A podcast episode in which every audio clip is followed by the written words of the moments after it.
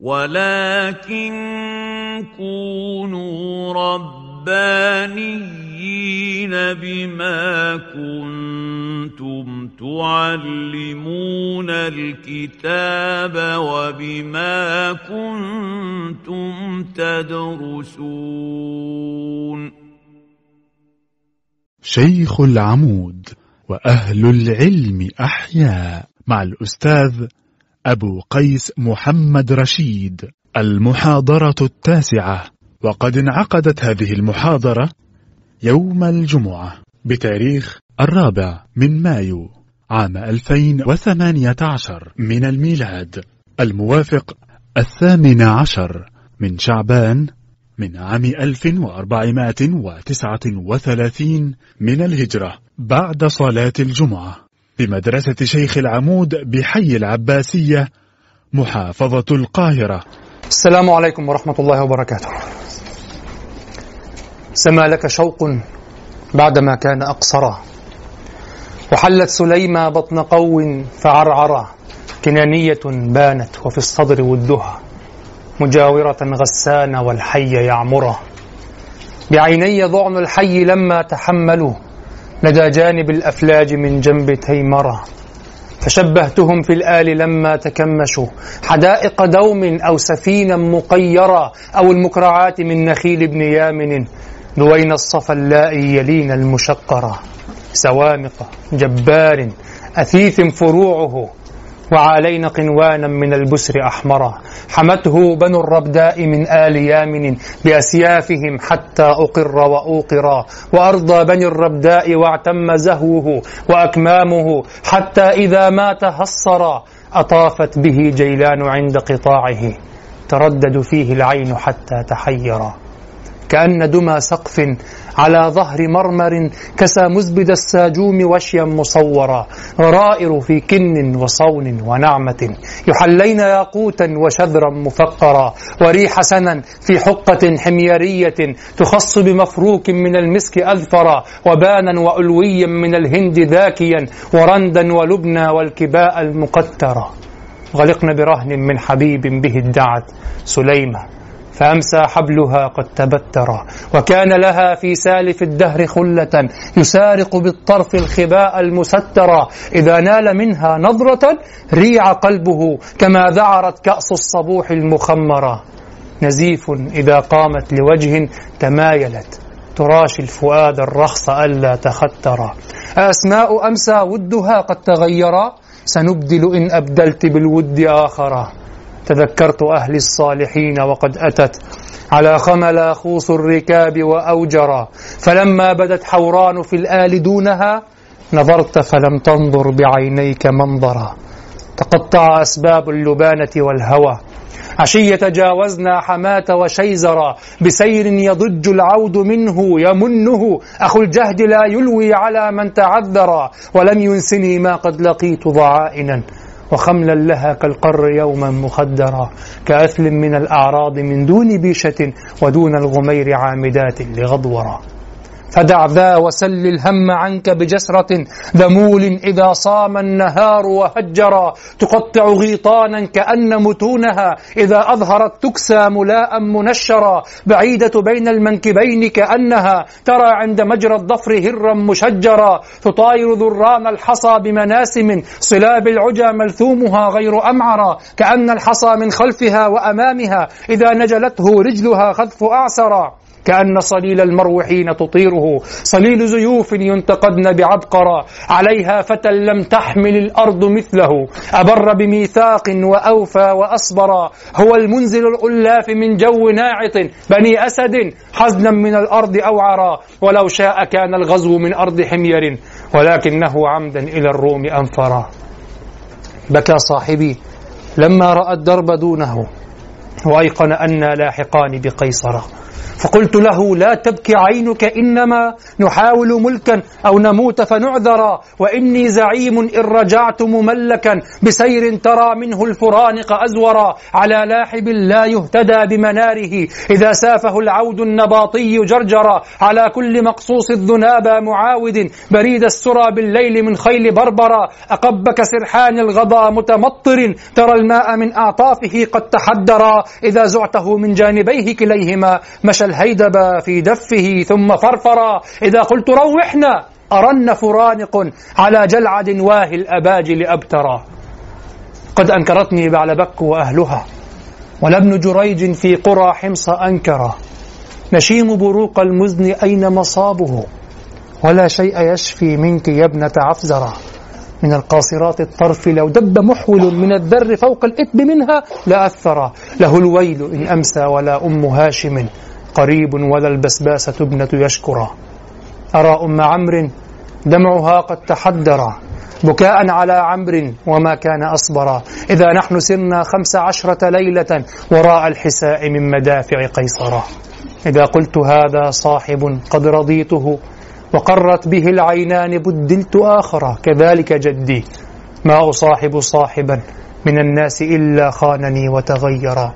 وكنا أناسا قبل غزوة قرمل ورثنا الغنى والمجد أكبر أكبرا. وما جبنت خيلي ولكن تذكرت مرابطها من بربعيس وميسرا. ألا رب يوم صالح قد شهدته؟ بتأذف ذات التل من فوق طرطرا. ولا مثل يوم في قذاران ظلته. كأني وأصحابي على قرن أعفرا. ونشرب حتى نحسب الخيل حولنا. نقادا وحتى نحسب الجون أشقرا كنا توقفنا عند البيتين. حينما قال أرى أم عمرو دمعها قد تحدر. بكاء على عمرو وما كان أصبر. إذا نحن سرنا خمس عشرة ليلة وراء الحساء من مدافع قيصر. وقلت هو امرؤ القيس هنا ماذا يفعل؟ يذكر أحواله المتوالية المتفرقة الحادثة في هذه الرحلة. يعني هو يقول لقد أنكرتني بعد بك وأهلها ثم يقول نشيم بروق المزن أين مصابه ثم يقول له الويل إن أمسى ولا أم هاشم. واضح؟ ثم يقول ماذا؟ آه بعد له الويل. ها؟ أرى أم عمرو دمعها قد تحدر بكاء على عمرو وما كان أصبر. والآن يشرح حالا جديدة لا تربطوها بعمرو. يقول يقول فيها ماذا؟ يقول إذا قلت هذا صاحب قد رضيته وقرت به العينان بدلت آخر كذلك جدي ما أصاحب صاحبا من الناس إلا خانني وتغير. يقول إذا قلت هذا صاحب قد رضيته. ربما تظنون أن هذا مرتبط بعمرو وبكاء أم عمرو. لا صاحبه عمرو بكى معه أصلا وما كان أصبر وما كان أصبر منها. وأصحابه الذين استمروا العربي لا يستمر معك إلى الشام إلا إذا كان ينوي ألا يرجع ومعك إلى الأخير. ليس سهلا على العربي أن يخرج من جزيرة العرب ولا حتى أن يرى البحر. أكثر العرب لم يروا البحر. فلذلك البحر عندهم هذا مهيب يعني مرعب. أن يرى يذهب إلى شاطئ البحر ويرى البحر هكذا. أنت الآن ربما تراه بمساكن أو كذا. هو يراه على الصحراء مباشرة. بحر مساحة زرقاء غير متناهية أمام عينه وكذا. وبالليل مساحة سوداء وتلتقي مع سواد السماء. واضح؟ فالبقوا مع الصوت. فالبحر مرعب غامض ومرعب عند العرب. وظل كذلك. لو أردت أن أن تحيا مشاعرك فالبحر كذلك. فهو لا يتحدث عن عمرو. الذي الذي قالوا إنه عمرو بن قميئة وهل كان شابا هل كان يعني كبيرا. هو شخص استمر معه إلى حتى المشهور المشهور يسمى أنه يسمى آه، عمرو عمرو الهالك فيما أظن. يسمى عمرو الهالك. شهر بذلك يعني. عمرو بن قميئة في قبيلته عمرو الهالك لأنه هلك خارج قومه يعني. يعتبرون الذي هلك خارج قومه هو هو الهالك. أما الذي يموت في قومه كما قصه تنسب بن القيس ثمانية أبيات التي تقول إنها رسالة. يقول فلو أن آه لما يقول آه ألا أبلغ بني حجر بن عمرو وأبلغ ذلك الحي الحريد بأني قد بقيت بقاء نفس ولم أخلق سلاما أو حديدا؟ فلو أني هلكت بأرض قومي أو بدار قومي لقلت الموت حق لا خلود ولكني هلكت بأرض قوم بعيد من دياركم وبعيدة نعم. فهذه سلسلة ابن القيس موجودة يعني. ف... وقد تكون له بالفعل يعني لم أقطع فيها بشيء. لكن أو لم يعني لم أغلب ظني فيها بشيء. لكن هكذا العربي إذا مات في دياره خلاص هو مات لكن عمرو الهالك لماذا؟ خلاص هو هلك على غير شيء يعني كما يقولون. سعد امرؤ القيس وامرؤ القيس كان مشهور أنه كان منحوس في هذه الرحلة و... ولم يوفق فيها ولقب بالملك الضليل. الملك الضليل إنه ضل كثيرا. عن البعض يقول الملك الضليل يعني الذي في حياته ضال يعني. لا هذا مصطلح إسلامي. الملك الضليل يعني ضل في رحلته. واضح كذا يريد. لكن وصف كذلك بالهمام. ذكرت همته في قصائد للأعشى في قصيدة للأعشى وفي آه، وفي قصيدة آه، مقصودة ابن دريد. تحفظونها؟ مقصودة ابن دريد. رازي يحفظها. نعم. أنا حفظتها ونسيتها آه، يقول إن امرأ القيس سار إلى مدى فاغتاله فاغتاله حمامه دون المدى صح؟ فاعتاقه حمامه دون المدى. سار إلى مدى إلى رحلة يعني يريد أن يبلغ شيئا لكن حمامه هو الذي هو قضاؤه. الحمام هو معنى القضاء يطلق القضاء أو الموت. هنا يراد به القضاء. فلم يتركه قضاؤه. فهو أيضا لقب بملك الضليل وكذا فالذي يهلك معه هو هالك. واضح؟ فاستمر معه أصلا هذا الرجل الذي ذكره كان كبيرا كان صغيرا ما- هو بكى معه واستمر معه لكنه يذكر حالا جديدة فهنا لابد أن تنفك من السياق الجزئي وترتبط بالسياق الكلي. مثل ما تجده في القرآن حينما تفسر الآية بالآية التي قبلها. ثم ترى أن المفسرين يقولون في هذه الآية بشيء هو يدخل في السياق العام للسورة وليس له علاقة مباشرة بالآية قبلها. لكن أنت اعتدت في ثقافتك التي بعضها أخذ من الغرب أن لابد البيت أو أن ال- الآية يأتي الآية بعدها مباشرة لابد من رابط مباشر. أو يعني رابط مباشر ليس في ظل كل الصورة. أو البيت لابد أن يكون المعنى مباشر على سبيل القصة. لا ليس كذلك. هو هو يحكي أشياء في هذه الرحلة وتمثال هذه الأفكار وهذه الأشياء التي وجدها في ربما ربما لما تكلم عن عمرو وكان صاحبا له فتذكر من خانه من الأصحاب. ربما. ربما هذه مناسبة لكن ليس لها علاقة. هي مناسبة في ذهن الشاعر فقط. ليس لها علاقة في العمل الأدبي يعني. فهو يقول هنا إذا قلت كما قال لا آه لقد أنكرتني بعل بك وأهلها. له الويل ولا أم هاشم. نشيم بروق المزن أين مصابوه؟ أرى أم عمرو. أيضا هنا حدث جديد. إذا قلت هذا صاحب قد رضيته وقرت به العينان. بدلت آخر. يقول إذا قلت انظر هنا إلى هذا الشحن في هذا البيت. الشحن البيت مشحون بهذه ال... بما لا نفهمه عن امرئ القيس من قبل. إذا قلت هذا صاحب قد رضيته وقرت به العينان بدلت آخر. ما هذا الضعف وهذه المسكنة الذي وقف على قفا نبكي وعلى عم صباحا؟ أستغرب هذه الشخصية الآن. امرؤ القيس هناك لما يذكر الأصحاب يذكر الأصحاب من حيث كونه زعيما منعما عليهم آه متكفلا بهم يقودهم. أما هنا يتلمسهم يتودد إليهم. كما هناك كان يصفع أو صفع البسباسة. وهنا له الويل إن أمسى دون البسباسة ابنة يشكر. البسباسة ابنة يشكر إذا بات دونها. وهناك زعمت بسباسة كذبت صفعها التفات بصفعة تشعر طاق تسمع طرقعة كده. مش ناقص غير الطرقعة تحس إن هو طلع كده كأنه دفع. كذبت لك وخلف الذال كذبت لقد والهمس في التاء. لازم في شيء خرج. مع قوة الالتفات يعني خد كده من التجويد وخد من البلاغة. شوف ومع الصوت صوت الكلام. يقول ألا زعمت بسباسة اليوم أنني كبرت وألا يحسن الله وأمثالي كذبت لقد أصبي على المرء عرسه. المجموع هذا ما يسمى في علم الأسلوب بالعناصر العاطفية في الكلام. هذه لا تترجم لا تشعر. وهذا معنى قولة إس إليوت الشعر لغة قومية لا تترجم وحينما تحتل دولة دولة أخرى تغير اللغة العلمية في المدارس لأنها تجد الكلمة والنظير في المعاجم. أما لغة الشعور سيظل أهل البلد المحتلة التي تم احتلالها سيظلون يتحدثون بالشعر ولذلك ضيعوهم إذا ضاع الشعر. كما قال قال محمود شاكر رحمه الله قال قال الأمة تحكم بأنها ضاعت تماما إذا ضاع شعرها لأنه سرها الأخير والكبير. الشعر لغة هذا هذا آخر هذا المذهب السائد الآن في الانجلترا المتحدة وكذا إن اللغة الأدبية لا تترجم أصلا. لا تترجم ليس كما يقول الرومانتيكيون لا لا تترجم. كيف تترجم؟ كذبت لقد أصبي على المرء عرسه. ولذلك سيد قطب رحمه الله له كتابه أصول النقد الأدبي ومناهجه. هذا أول كتاب عصري ألف في النقد الأدبي. واضح؟ وكان ينبغي أن يدرس في المدارس وكذا وهو كتاب قوي جدا ويعني يعتمد. ولكن طبعا القضايا السياسية تغير أشياء كثيرة حتى الدين يعني. واضح؟ هذا معروف. فهذا كتاب أصول النقد الأدبي ومناهجه. طبعا لا يعني ثناء على سيد قطب. أنا أتكلم هنا بعلمانية محضة. العلم عندي هنا علمانية محضة. لو كتب لي يهودي هقول يهودي ما تظلموش اليهودي راجل مؤلف محترم. واضح؟ طيب. لكن لا سيد قطب يهودي رحمه الله لا. المهم آه كتاب لسيد قطب أصول النقد الأدبي. النقد الأدبي أصوله ومناهجه كان يطبع في الشروق إلى أن منع يعني ضمن الكتب التي منعت يعني أكيد. آه يقول فيه كيف تترجم؟ يوم يدعون إلى نار جهنم دعا. يوم يدعون إلى نار جهنم دعا. وكان هذا الكلام من أوائل الكلام من أوائل ما قرأت من أول ما قرأت مما نبهني إلى قضية الدلالات الصوتية في الكلام. الدلالات الصوتية في الكلام. التي بلغ فيها في البديع وأفسدت يعني لكن موجودة في كلام القدماء. انظر لقول ابن القيس مكرم مفرم مقبل مدبر معا. شوف أنا أشعر بفرق الحوافر على الصخ على الحصى والرمل صح؟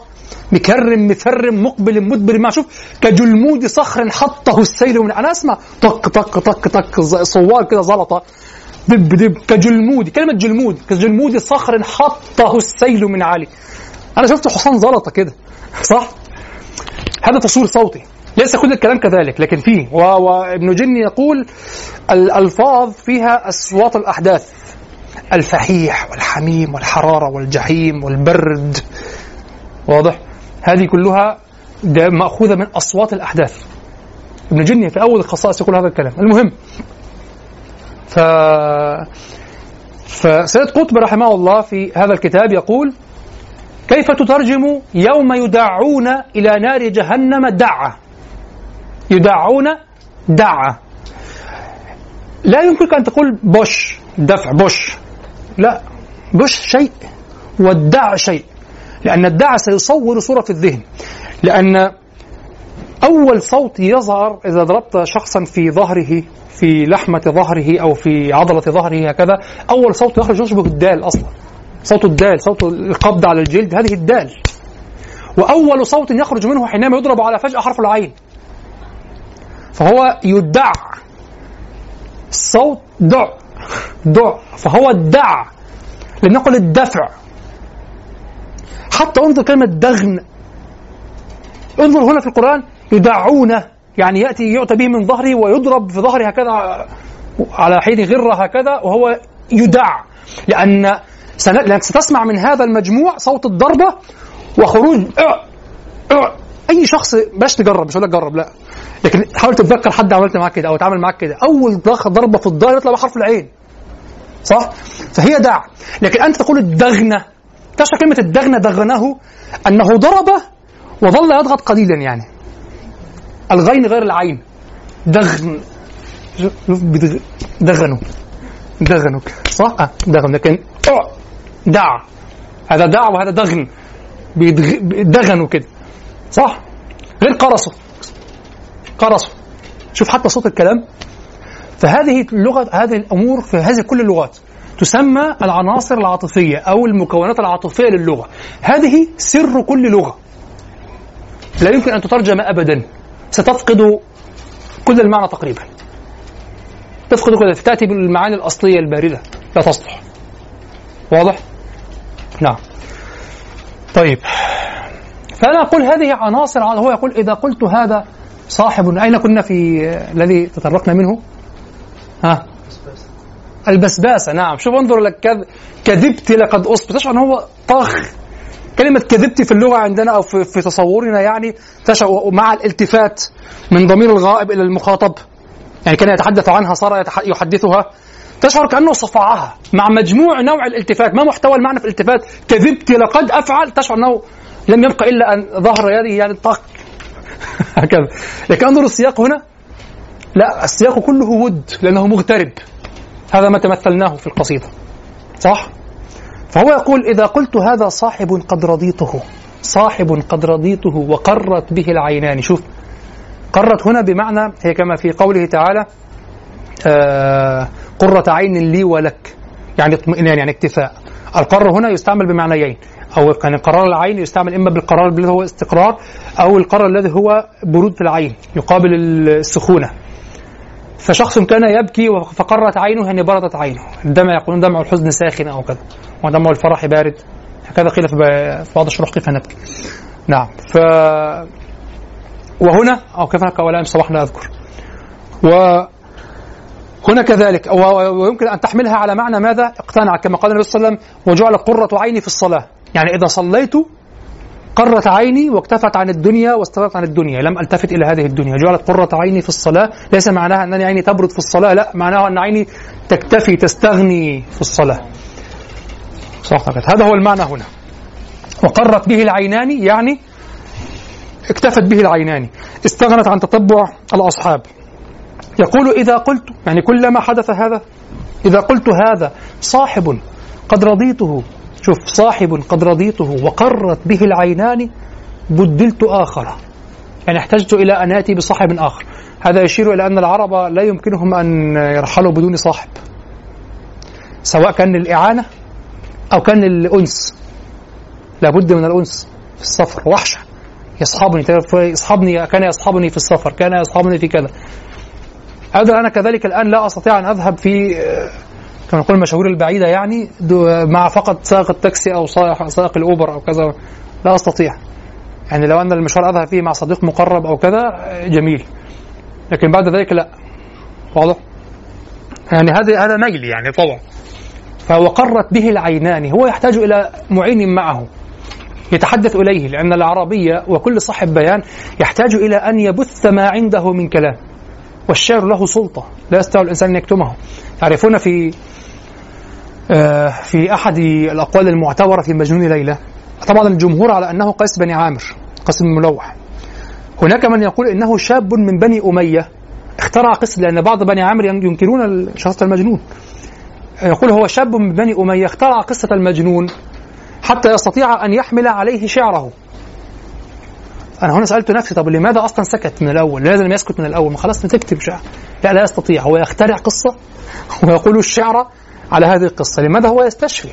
كما قال المجنون نفسه أو ال ال هذا العاشق يعني كان من كان هو يقول آه خليل خليلي إلا تبكيان ألتمس خليلا إذا أنزفت دمعي بكى لي فما أشرف الأيفاع إلا صبابة ولا أنشد الأشعار إلا تداويها يتداوى بالشعر.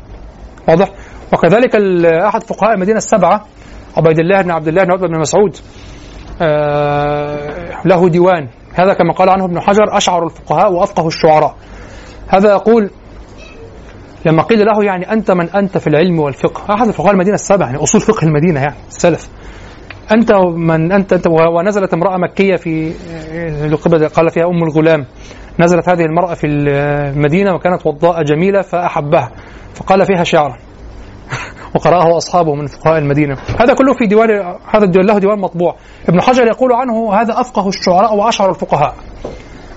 أشهر أفقه الشعراء وأشعر الفقهاء. يقول هذا آه يعني قيل له تقول الشعر وأنت في هذا المكان فقال لابد للمصدور من أن ينفذ لابد أنه يخرج لازم. الشعر يتداوى به العربية فهو يحتاج إلى من يحدثه بالشعر إلى من يكلمه إلى من يؤانسه وكذا. خاصة شخص القيس كان له أصحاب وينزل في البوادي ويتبع السحاب ويجري ويفعل. فيقول إذا قلت هذا صاحب قد رضيته وقرت به العينان بدلت آخرة. شو بدلت آخرة دلالة على أنه لابد أن يجد. لحظة. هذه لم أسجلها عندي في البيت فلا بد حتى لا تطير. أنا وجدت النسخة بالمناسبة هي وجدتها. كنت أخذتها في البيت. آه الحمد لله. الحمد لله. نعم. أحيانا في الدرس يجود أحد الطلاب بشيء رفيع أو يجود عقلك أنت في أنت منفعل لأنني أكون قد انفعلت بهذه القصيدة ربما عشرات المرات من قبل. وهنا الشرح انفعال جديد أصلا. لا ألقي فقط ما عندي أنا أنفعل جديدا أيضا فربما يجد جديد. فأحتاج إلى هذا القلم الأحمر عليه لأن كل شيء آخر بالأزرق والأسود. نعم. طيب. وتعجبني هنا كلمة أو يعجبني قوله إذا قلت هذا. انظر إذا قلت هذا صاحب قد رضيت. كلمة قلت عند العرب القول عندهم غير معتبر دون الفعل أصلا. يعني حينما يقول إذا قلت هذا صاحب قد رضيته وقرت به العينين بدلت آخر معناه أنه إذا صاحبه بالفعل وتأكد أنه صاحب مخلص وأنه كذا وكذا وكذا هذا كله مضمن فيه إذا قلت. الانفصال بين الفعل والقول ليس عند العرب. هذا يذكرني بقول زهير بن أبي سلمة في المعلقة وقد قلتما إن ندرك لما قال سعى ساعية غيظ بن مرة بعدما تبز هو يمدح بن سنان والحارث بن عوف بأنهما قد آه عصم الدماء وكذا بتحمل الديات وكذا. فيقول سعى ساعي غيظ بن مرة بعدما تبزل ما بين العشيرة بالدم. فأقسمت بالبيت الذي طاف حوله رجال بنوه من قريش وجرهم يمينا لنعم السيدان وجدتما على كل حال من سحيل ومبرم. وقد قلتما إن ندرك السلم واسعا بمال ومعروف من الأمر النسلمي فأصبحتما منها على خير موطن. يعني قلتما فأصبحتما؟ لا قلتما يعني فعلتما. العربي إذا قال انتهت. عقد. إذا قال خلاص. إذا قال هكذا بلفظ جزم فعل كذا اعتبر الأمر قد حدث إن لم يكن حدث حدث بالفعل أو إنه وقع وقال هو وقع. العربي القديم لا يعرف الكذب هنا. ربما في الحرب أو كذا لكن الكذب وحتى في الحرب ربما ليس لم لم يكونوا يعني يستمرئوه لكن آه، في حياته وكذا مستحيل. الكذب عندها يعني الجبن حتى هو يموت حتى إذا كان سيهلك هو لا يكذب.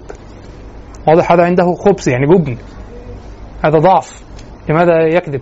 كانت عندهم طبائع شديدة جدا في أمور وسبحان الله وعندهم في المقابل الجانب الإنساني الضعيف جدا. يعني هذا رجل رجل أتوقع أن تسمع صوته هكذا وتراه صخرا هكذا. ثم عند البكاء بكاء يعني. يقولون أكثر من بكى على أخيه المهلب بن ربيعة. ظل مدة طويلة يبكي قبل أن يقوم بالحرب حتى قول لن يقوم بالحرب. في واضح. فهذه ميزة العرب. قديما ووجدتها في الصحابة رضي الله عنهم.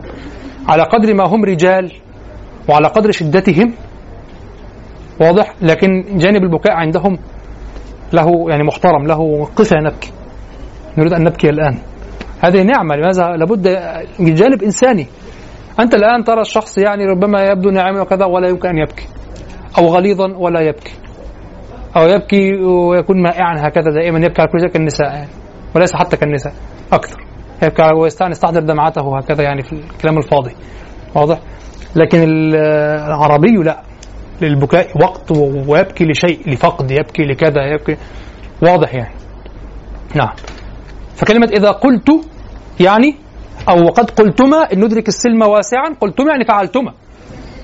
بدليل ما بعده وقد قلتما إن ندرك السلم واسعا بمال ومعروف من الأمر الأسلمي فأصبحتما منها على خير موطن. بعيد شوف قلتما يعني فعلتما انتهت. فأصبحتما منها يعني شوف هم قالوا سنتحمل الديات. خلاص اتحملت يا جماعة خلصت.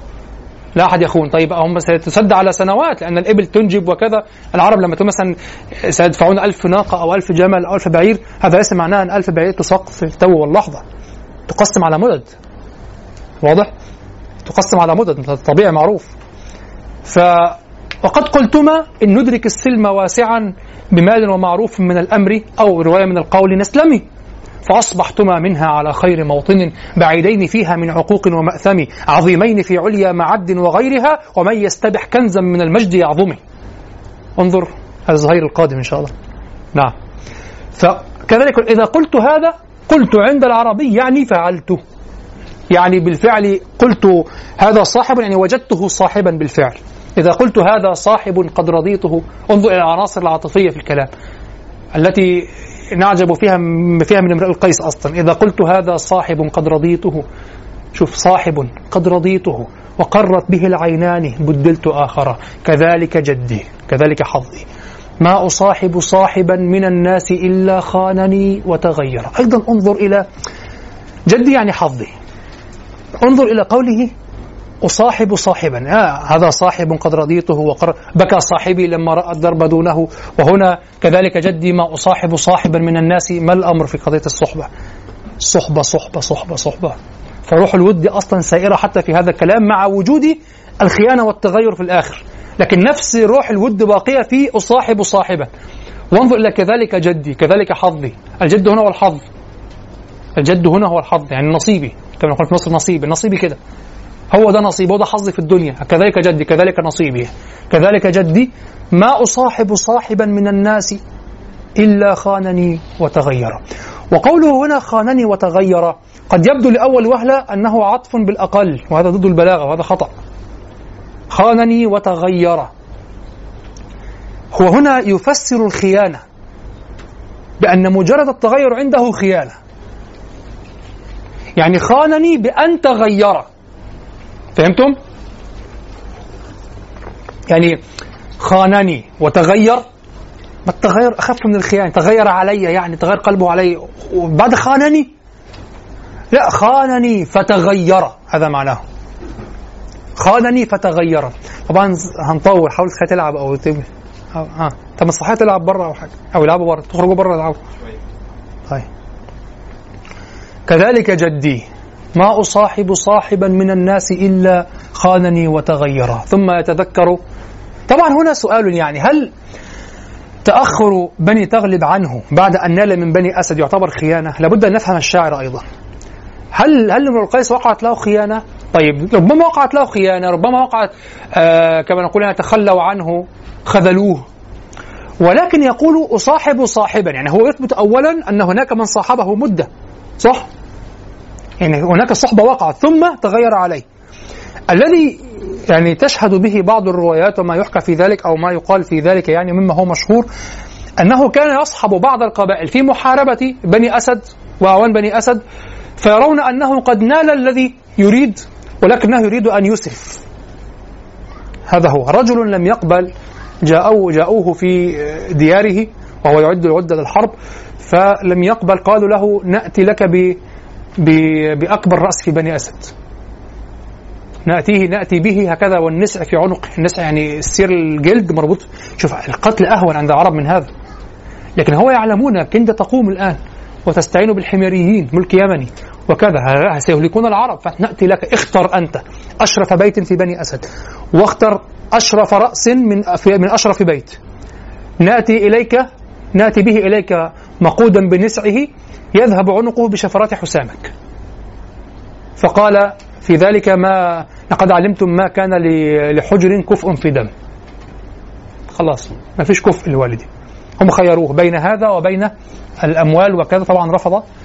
يعني نعطي لك كل ما ملكنا من الإبل. طبعا الإبل هي مال العرب. هي الإبل هي المال. واضح؟ فرفض هذا أيضا. قالوا له الخير الثالث أن تنظرنا فقط. أن تنظرنا يعني لا لا تفاجئنا فقط حتى تضع الحوامل ونحمي النساء وكذا. فقال والنظرة لكم ولن أكون سببا لعطب الأجنة في أرحامها. رجولة يعني أيضا رجولة يعني هو كان أن يغدر بهم. كان ممكن يعمل معهم مذبحة القلعة يعني. لكن هم لا يستحلون هذا وهم ليسوا ليسوا أصحاب دين أو ليسوا ليسوا من ديننا. لا يستحلون هذا. يتحدث بها العرب. مستحيل. هو أقاموا عنده ثلاثة أيام لما نزل وخرج عليهم في اليوم الثالث. وبعد أن انتهى الكلام قال تقيمون أم تنصرفون؟ قالوا بل ننصرف بأسوأ الاختيار. هذا هو الحرب بعد النظرة يعني. فانظر حتى الذوق تقيمون أم تنصرفون؟ فهم ينصرفون أحدهم اسمه قبيصة من كبار من يحضرون في ليس من بني أسد لكن قالوا أنه يحضر في الأمور الكبيرة يعني. رجل حكيم مسن وكذا وله وجاهة وكذا. فغضب قبيصة فهو وهو يقوم ويذهب فقال بيتا هكذا معناه يعني أنك ستندم على هذه الخيارات وكذا وغدا تستوخم الحرب. تستوخمها يعني تستمرضها تشعر بأنها شديدة عليك. فقال لا والله لا أستوخم الحرب. وغدا ترى طلائع كندة تحمل في الحلو تحمل في الحلوق حنقا وفوق الأسنة علقة.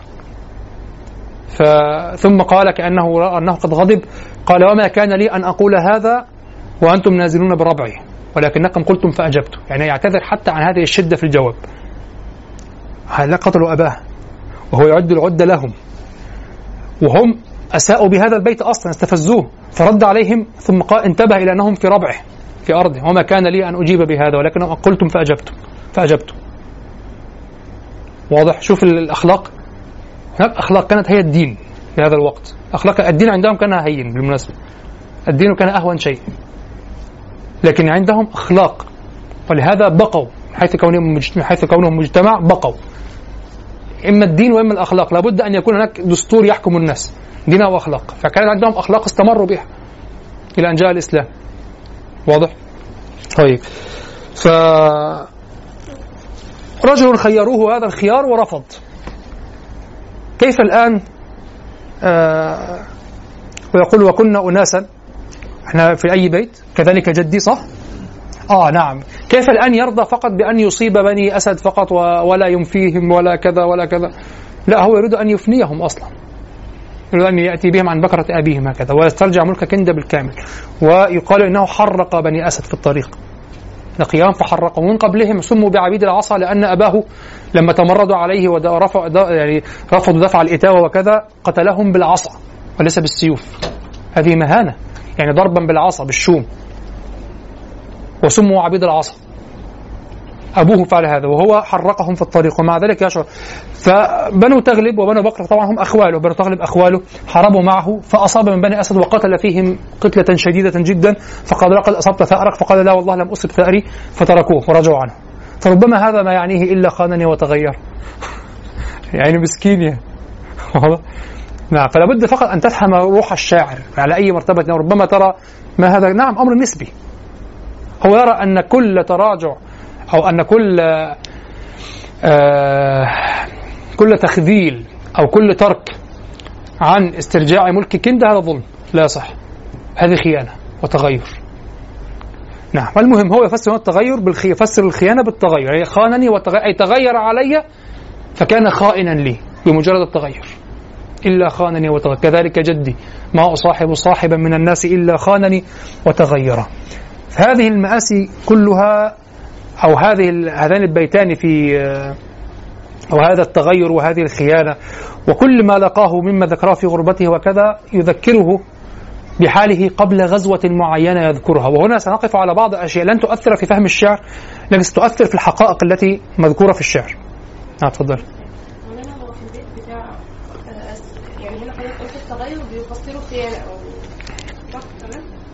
إلا خانني وتغير. أيوة يعني هو كأنه يقول تغير علي فخانني. بلد آخر هي هناك التغير قال سنبدل هنا قال بدلت يعني يعني حاسة إن هنا الأمر عليه أصح. كيف؟ لا لا ما هو هناك هو هناك قال آه، أسماء وأمسى ودها قد تغير يعني بمجرد تغير ود سنبدل هو قال أنا سنبدل آه. الفكرة إن هنا قال بدلت بدلت آخر. أنا رغما عنه. هناك اختار. أنا هحب غيرك. لكن هنا أنا أنا مضطر. أنا مدفوع إلى البحث عن صديق آخر. بدلت آخر. الحاله هنا أبأس. نعم. جميل. طيب. يقول وكنا اناسا قبل غزوة قرمل ورثنا الغنى والمجد أكبر أكبر. قرمل هذا يقال قرمل اسم هكذا قرمل كما في المعاجم. قال هو اسم شجرة صغيرة ضعيفة جدا لا ظل لها ولا تأوي. شجرة شجيرة صغيرة جدا تخرج في الصحراء. ليس لها ما يصنع ظل ليس لها ما ما تأوي به غيرها. واضح شجرة ضعيفة. لذلك يقولون في المثل ضعيف ضعيف عاذ بقرملة. لما مثلا شخص ضعيف استعاذ بشخص أضعف منه. ضعيف عاذ بقرملة. يعني شخص ضعيف اختبأ وراء قرملة. حاجة زي جرجيره كده ولا زرع زينه كده جنينه في وسط الصحراء. تعمل لك إيه؟ على الأقل لو هناك آه، شجيرات مثلا هكذا هذه المعرشة. تستطيع أن ترى على الأقل يعني لرأسك وصدرك ظلا يعني. لكن هذه لا تحمي شيئا لا تأوي شيئا ولا ولا تظلل شيئا. فكون في المثل ضعيف عاذ بقرملة. ضعيف على هذا هو القرمل. طيب وقالوا كذلك القرمل وقرمل قرمل وقرمل قالوا كما في اللسان وفي الاشتقاق لابن دريد هو آه، ملك من ملوك اليمن قيل من أقيال اليمن. هكذا أيضا قرمل وقرمل اسم ملك من من أقيال اليمن أو من ملوك اليمن. وقرمل اسم النبتة كذلك. طيب ولكن كون قرمل أو قرمل ربما ترى بعض الروايات أو الضبط قرمل ربما قرمل أو قرمل كونه اسما من لأقيل من أقيال اليمن لا يعني إذا أن امرأ القيس يتحدث عن هذا الملك اليمني لأن ابن دريد في الاشتقاق ماذا يقول؟ يقول وهو الملك وهو من قصده امرؤ القيس حينما قال آه وكنا اناسا قبل غزوة قرمل ويبنى على ذلك تفسير لعين البيت دون سائر السياق. فقط علاقة أن امرأ القيس يمني وقرمل أو قرمل يمني قالوا فهو أحد ملوك اليمن. هكذا ابن ضاد يقول أحد ملوك اليمن آه، أو بعض الشراح يعني أحد ملوك اليمن وقعت الحرب بينه وبين كندا. وهذا غريب لأن امرأ القيس يمني وولاءه في اليمن وأقصى ما حدث أن الحميريين تخلوا عنه لكن لم تقع حرب لم يتعمدوا إسقاطه بين العدنانيين. لأن الحميريين قحطانيين قحطانيون. واضح؟ وكند أيضا من قحطان من كهل وطيء من كهل نعم فكل هؤلاء قحطانيون في الأخير. واضح؟ أصولهم من اليمن. بين بينهم عداء يعني بين القحطانيين وبين العدنانيين. نوع من المفاخرة وكذا. أن اليمنيين يرون أنفسهم الملوك وكذا وأما هؤلاء العدنانيين فهم البدو وكذا سكان الصحراء وكذا. أما الآخر فاليمن السعيد. ففي اليمن دي هي أعظم البلاد يعني اليمن اليمن السعيد دي. يعني الناس فيها مش هم الناس بالمناسبة ملوك اليمن. ابحثوا فقط عن اكتبوا هكذا على اليوتيوب أو الجوجل ملوك اليمن وتماثيل ملوك اليمن. انظروا إلى بعض التماثيل الذهبية لبعض العرب ملوك العرب. قبل خمسة قرون مثلا قبل الإسلام ملوك اليمن. القدماء اليمن الملوك. واضح فانظروا إلى ملوك اليمن. يعني ففي الأخير امرؤ القيس لا يحارب اليمن هو لاؤه في اليمن هم تخلوا عنه فقط لكن لا ينصرون العدنانيين عليه لا ينصرون عرب الشمال عليه. بل كنده كانت جناح أو وجود يعني نشأتها كانت وجود لملك اليمن في شبه الجزيرة العربية يعني في الشمال. واضح؟ ف... فهذا شيء غريب يعني أن يقال أنه حارب ملكا يمنيا أو كذا وانهزم في هذه الحرب أو شيء من هذا القبيل. وكذلك غريب آه أن نقول في غزوة قرمل إنها أو ممكن أن نقول إن هذا ممكن أن نقول إنها غزوة حارب فيها قرمل. هذا مع امرئ القيس فسميت باسمه. هذا متخيل. غزوة قرمل يعني الغزوة التي حارب فيها الملك قرمل أو قرمل معنا. وهذا وارد. لكن الغريب أن تقول هذه الحرب كانت مع اليمنيين. والأغرب أن تقول هذه الحرب هي التي أسقطت كندة وهي سبب كل هذه القصائد وهذه الرحلة أو كذا أو كذا. وهو يريد أن يحارب بني أسد ويذهب إلى الروم وكذا ولو شاء كان الغزو من أرض حمير. هذا طبعا كله سبحان الله تجدونه في الشروح وهو فقط يركزون في البيت هكذا الواحد ويبحثوا عن معانيه بعيدة خاص. قرمل غزوة قرمل آه نسبة غزوة قرمل يعني غزوة الروم غزوة كذا. فغزوة قرمل يعني آه، حاربنا القرمل فيها فخلاص هي هو حارب ملوك ملوك اليمن خلاص.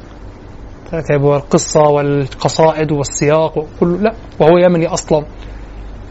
فهي هذه يعني الذي يترجح لي والله أعلم أن قرمل كانت أن قرمل اسم موضع وسميت الغزوة باسم الموضع. يعني قرمل في أصل هذه الشجيرة الصغيرة. واضح؟ وهذا يذكر في المعاجم قبل أن يذكروا أنه ملك من ملوك اليمن أو هو ملك من ملوك اليمن وحارب معه أعانه. فقالوا غزوة قرمل يعني الغزوة التي حارب في فيها معنا قرمل. واضح؟ والله أعلم. هو ما ينفعش إن قرمل ده يبقى مثلا جد امرؤ قيس أو من الناس الناس اللي هو ناس فيها. فهو لم يذكر الله أعلم. إن إن طب وإذا كان جدا له ما العلاقة في تسمية الغزوة به؟ ناسا قبل غزوة لسه هنا يعني الأصل من البداية في عزة ونصر واقتدار. لماذا سميت غز... الغزوة وقعت الآن؟ ربما الملك اسمه كده. ما ده اللي بنقوله. لا أنا اقصد ان هو ان ان هو جد له؟ آه بالظبط. يعني هذا جد موجود في الحرب؟ هنا هو قيس مش حاضر في الغزوة هو ده اللي أنا أقصده.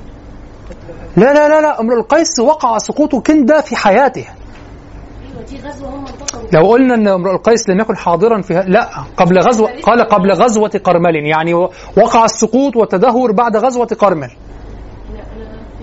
لا لا لا سيأتي الكلام إن شاء الله سوف افسر البيت. يقول وكنا أناسا قبل غزوة قرمل ورثنا الغنى والمجد أكبر أكبر.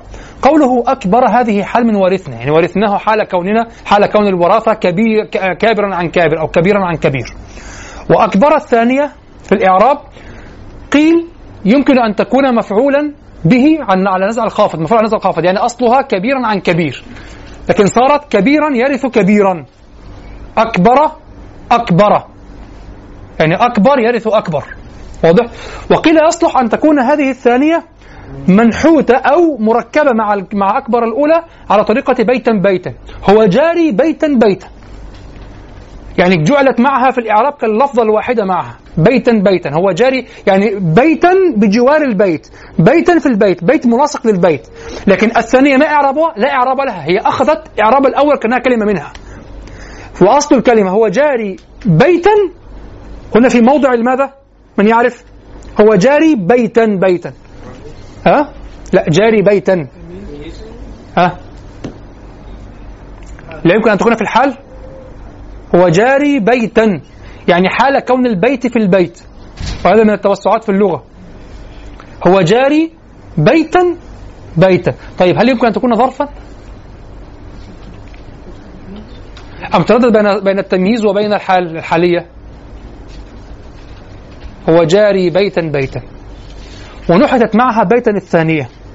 صارت منها يعني لا تبحث عن إعراب آخر لبيت الثانية فيقول هنا هنا أكبر هنا وكنا أناسا هنا حال. لماذا؟ لأي شيء؟ لورثنا الغنى. ورثنا الغنى أكبر. أكبر. ورثناه حال كون الوارث أكبر أو كبيرا يرث عن كبير. لما نزع الخافض كبيرا يرث كبيرا. لما نزع الخافض رجع عليه المفعولية. كبيرا يرث كبيرا. أصلها كبير عن كبير. أكبر عن أكبر. أو أن تجعل أكبر على طريقة بيتا بيتا. هو جاري بيتا بيتا. واضح؟ ورثنا الغنى والمجد أكبر أكبر. وهي على كل لن تذهب بعيدا يعني في المعنى لأنك ستضبطها بأكبر الأولى التي هي الحال. نعم. يقول وكنا أناسا. قبل غزو هنا يتحدث عن كندة كلها. وهذا يذكرني بقوله فلو أنما عليها فتى لم تحمل الأرض مثله أبر بميثاق وأوفى وأصبر يعني الكندة وكذلك آه لما يقول فلو أنما أسعى لأدنى معيشة كفاني ولم أطلب قليل من المال. ولكنما أسعى لمجد مؤثر. فالحال هنا يتحدث عن شخصه فقط يتحدث عن كندة كلها. ولذلك يقول هنا وكنا وعجبتني هنا أنه يذكر كندة كلها وكنا أناسا إذا لم يسقط وحده. هو كندة سقطت لكنه أبر بميثاق. عليها فتى لم تحمل أرض مثله في البر يعني تمييز أبر بميثاق لم تحمل مثله أبر بميثاق وأوفى وأصبر. أبر بالميثاق مع كندة لقومه أنه يرجع الملك مرة أخرى. وأوفى وأصبر أوفى لهذا وأصبر على ما يلاقيه. هذا تفسيره. وكنا أناسا قبل غزوة كندة كلها سقطت. كانوا ينتظرون أن يرجع. وكنا أناسا قبل غزوة قرمل. وريد شوف هذا هذا الذي كان يلهو ويلعب وكذا. انظر حينما وقعت الواقعة كيف تحمل وكيف قطع هذه السبيل وكذا. وقال إما الملك وإما الموت. هذه روحه. هذه طبيعته. وكنا أناسا قبل غزوة قرمل. ورثنا الغنى والمجد أكبر أكبر. يعجبني هنا كثيرا كلمة الغنى. والمجد. كأن الغنى هو قضية أموال فقط. لا الأمر عند العرب مختلف. الغنى عند العرب مرتبط بالمجد. الغنى مرتبط بالمجد. ولما كانوا يقولون في القديم كما في حديث النبي صلى الله عليه وسلم فلان هذا الصعلوك بمعنى فقير أو كذا أو كذا. أيضا قد يفهم منه أنه ليس بمقامك يعني. الصعلوك لا يجد ما ينفق. نعم العرب غالبا غالبا. الفقر عندهم مرتبط بالنزول الاجتماعي. ليس كالآن. تلاقي مثلا مدينة نصر مليانة ناس أوباش ليه مدينة نصر جديدة؟ في ناس خدوا البيوت دي في صحراء كده فقراء وبنوها و...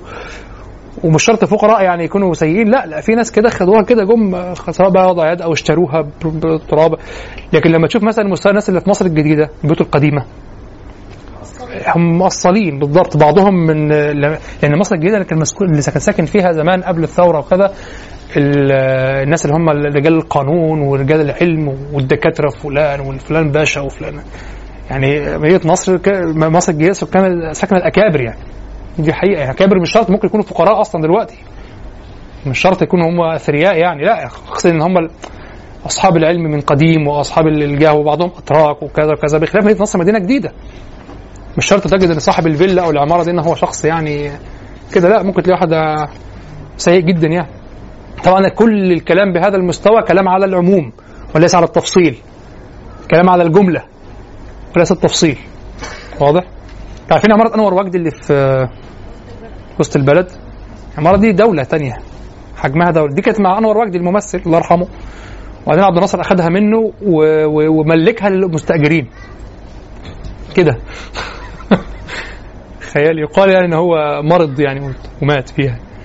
رحت العمارة ديت لطبيب هناك وكذا ال- العمارة دولة جوه الداخل دولة. عماره فيها فيها 11 دور 8 8 شقق في كل دور. واضح؟ المدخل يطلع منه شقتين مرتاحين. المدخل شقتين المدخل فيه مساكن للبوابين والناس دي مساكن مش مسكن جوه هنا والناحية دي. واثنين أسانسير كبير. واضح. حاجة كبيرة جدا يعني. اتخذت منه طبعا تاجي دلوقتي مثلا تسأل فلان ده أنت منين أنا من الزقازيق منين؟ من منطقة كذا. منين من منطقة كذا؟ واضح. إيه اللي السبب إن بعد الثورة وبعد ال- ال- الفكر الشيوعي الاشتراكي اللي كان موجود وكذا والتمليك الرخيص وكذا والكلام ده كله والإيجار نظام الإيجار ال- القديم الناس نزحت من الأرياف على على على القاهرة. واضح.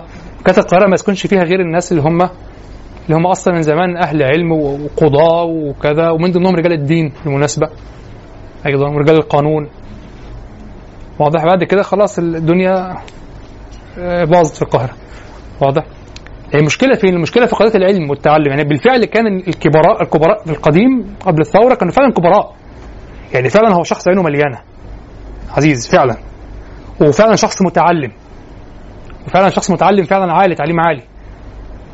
يعني فعلا شخص رفيع ده اللي عايش في القاهرة في مصر، حتى كانت اسمها مصر. يقول لك نازل مصر هي اسمها مصر. واضح؟ بعد ذلك للأسف الفروق النفسية الطبقية ظلت موجودة مع عدم وجود فروق محددة في المجتمع يعني ظل الصغير صغير والعالي عالي لكن بالفعل هو أنت متساوي بينهم بس من جوه لأ فأنت ما عملتش حاجة فأنت بتدي بقى أصبحت تدي شهادات جامعية لناس بيتخرجوا منها آه، بتخرج منها هو جاهل زي ما هو. هو أنا مش بعيب مجال التعليم لكن لابد يكون في تقنين للموضوع مين يتعلم؟ لكن أنت بتدي شهادات. كل كتاب بص تلاقي فيه ده المنهج. ويكتب بص ملغي ملغي ملغي ملغي. ده مش تعليم يا جماعة. كان زمان اللي يخش جامعة الملك فؤاد دي جامعة القاهرة دي باشا يعني ده داخل الجامعة. كان الموظف الكاتب اللي بيكتب ده اعداديه الافندي ده اعدادية المتعلم ده. بس كان مجتمع كده كان حاجة يعني. طربوش كده وأستاذ كده وتلاقي كده مبادئ وأخلاق و... وعينه مليانة ومش عايز ليه ماهيته بياخدها و... واضح. عباس الع- عباس العقاد ده كان خمسة ابتدائي ولا ستة ابتدائي؟ بس أنا قعد معاه ابتدائية تقريبا. ابتدائي آه آه. يعني الأدب ده كله ابتدائي؟ صحيح. كنا فين عشان نروح للحتة دي؟ آه أكبر أكبر. نعم هو ها؟ نعم الكده الغنى والمال. ال- ال- غالبا غالبا عند العرب يرتبط الغنى بالمال بالمجد لأن المجد من أين يكتسب عند العرب؟ هناك عندك حسب ونسب. شيئان حسب ونسب. النسب ده اللي هو النسل الحسب اللي هو أفعالك الشريفة. العرب إذا كما نقول جاءت ريح الشمال وجاء الشتاء وكان نحن في كما قال طرف نحن في المشتات نجد آه، ندعو الجفل. ما ترى ما ترى الآدب فينا ينتقر. ينتقر يعني ينتقل اللي يجي عنده الش- الشرفاء. لا كله بيجي يقعد على موائده شريف وغير شريف كله بيجي يقعد. مش بنقي الكرام بس لا. نحن نطعم كل الناس. واضح؟ وهنا نقطة مهمة جدا سأتكلم عليها إن شاء الله في المحاضرة الثانية من آه، من آه، مسألة من الشخصية الجاهلية. قبل الإسلام يعني الشخصية العربي قبل الإسلام آه، وهي أن البعض بعض الشعوبيين ووجدت بعض للأسف أصحابنا يقول إن كثرة وجود الفخر بالكرم عند العرب في شعر العرب يدل على أن الجمهور بخلاء اذا الكرم صفة لا.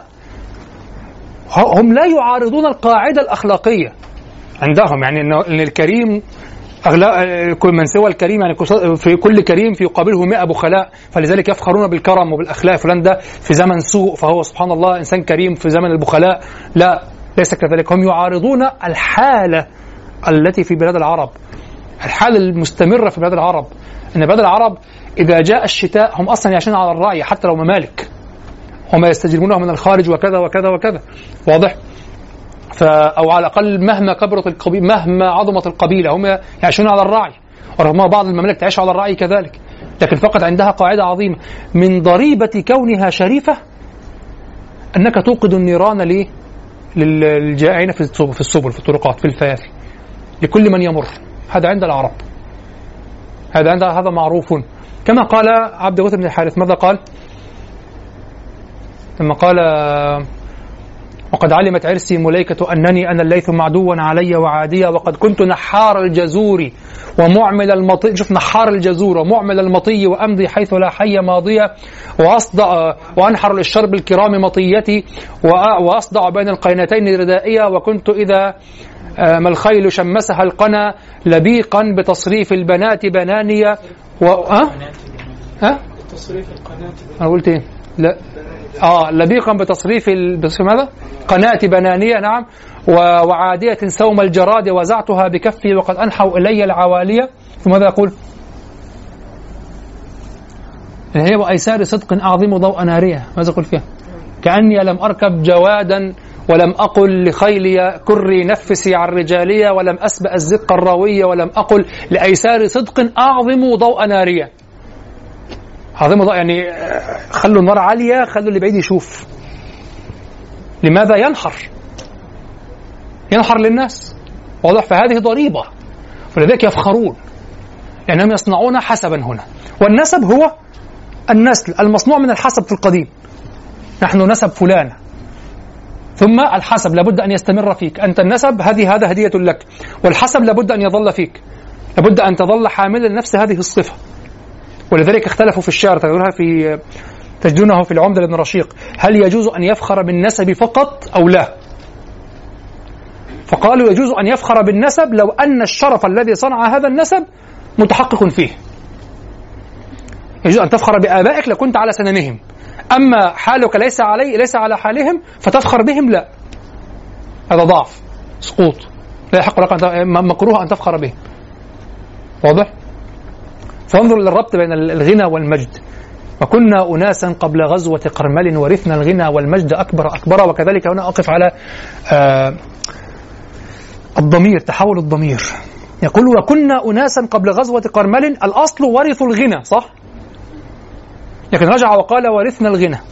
وإلا لا تقل هنا ورثنا تعود على كنا يعني كنا ورثنا الغنى. لأن كلمة هنا أناسا لا تفيد شيئا. أناس طب أنت أناس أمال أنت إيه؟ لكن كنا أناسا ورثوا الغنى. فهمتم؟ فهذا التحول في الخطاب كان الأصل وكنا أناسا قبل غزوة قرمل ورثوا الغنى والمجد أكبر أكبر. لكن وكنا أناسا قبل غزوة قرمل رجع إلى الذاتية مرة أخرى ورثنا الغنى. بعد أن انظر بعد أن أوهمك بأناسا أنه سيقول فصارت كلمة ورثنا تحوي معنى ورثنا التي هي الظاهر ومعنى ورثوا التي هي مأخوذة من أناس بضمير الغائب. وكنا أناسا قبل غزوة قرمل ورثنا أي ورثوا الغنى. فهذا يشبه التضمين أو هو تضمين.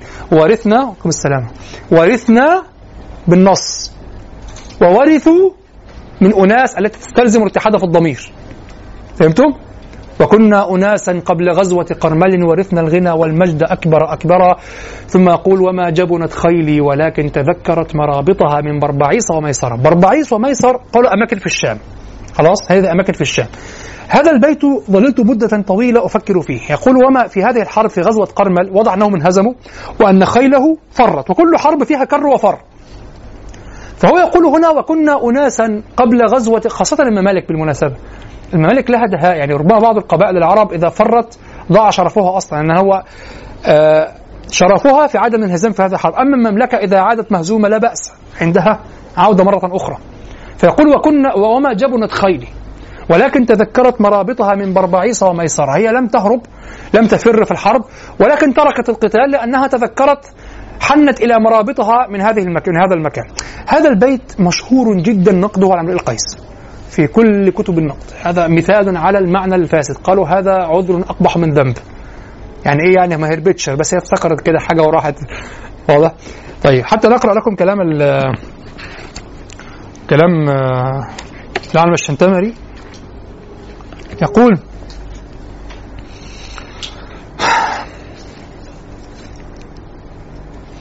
شوف حتى هو يقول وكنا أناسا يعني يصف أن شرفه متوارث قديم لم يقدح فيه ذم ولا لصق به عيب قبل غزوة قرمل وهو ملك من ملوك اليمن. وكان غزا قوم امرئ القيس أو غزوه.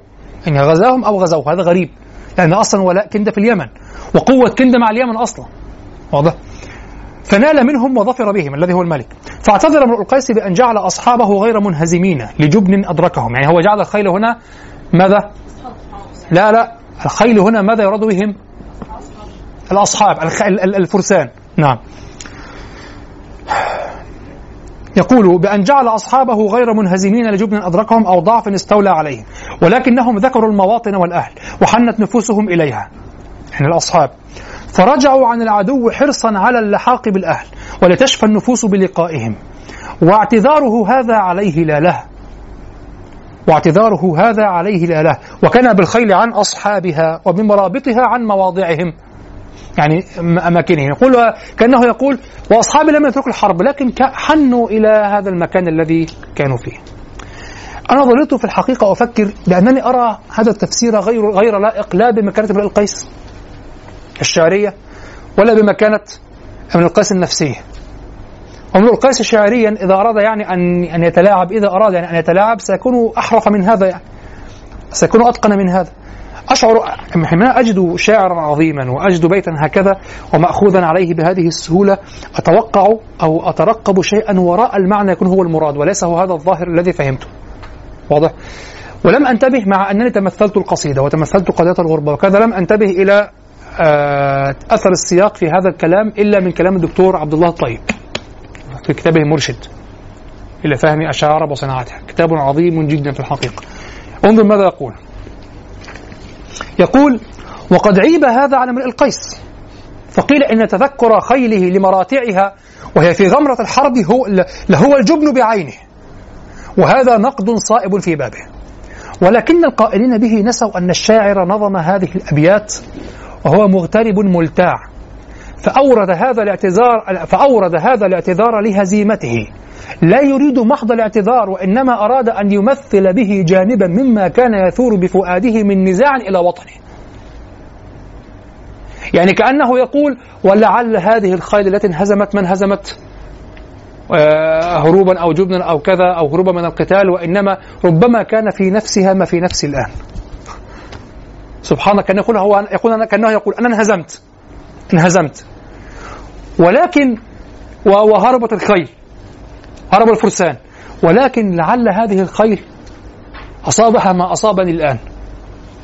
ففرت إلى ديارها. لماذا هو ما زال في نفس سياق كلامه؟ هو لا يتحدث عن الخيل أصلا. يتحدث عن حاله هو. فيقول تذكرون هذه الخيل التي انهزمت وهربت؟ لعلها تذكرت كما أنها تذكر الآن. فالكلام بعيد عن الخيل بعيد عن الاستدراك على يوم غزوة قرمل أصلا بدليل أنه قال قبله وكنا أناسا قبل غزو وكنا مش ظللنا. وكنا أناسا قبل غزوة قرمل ورثنا الغنى والمجد. هو يعترف بالهزيمة.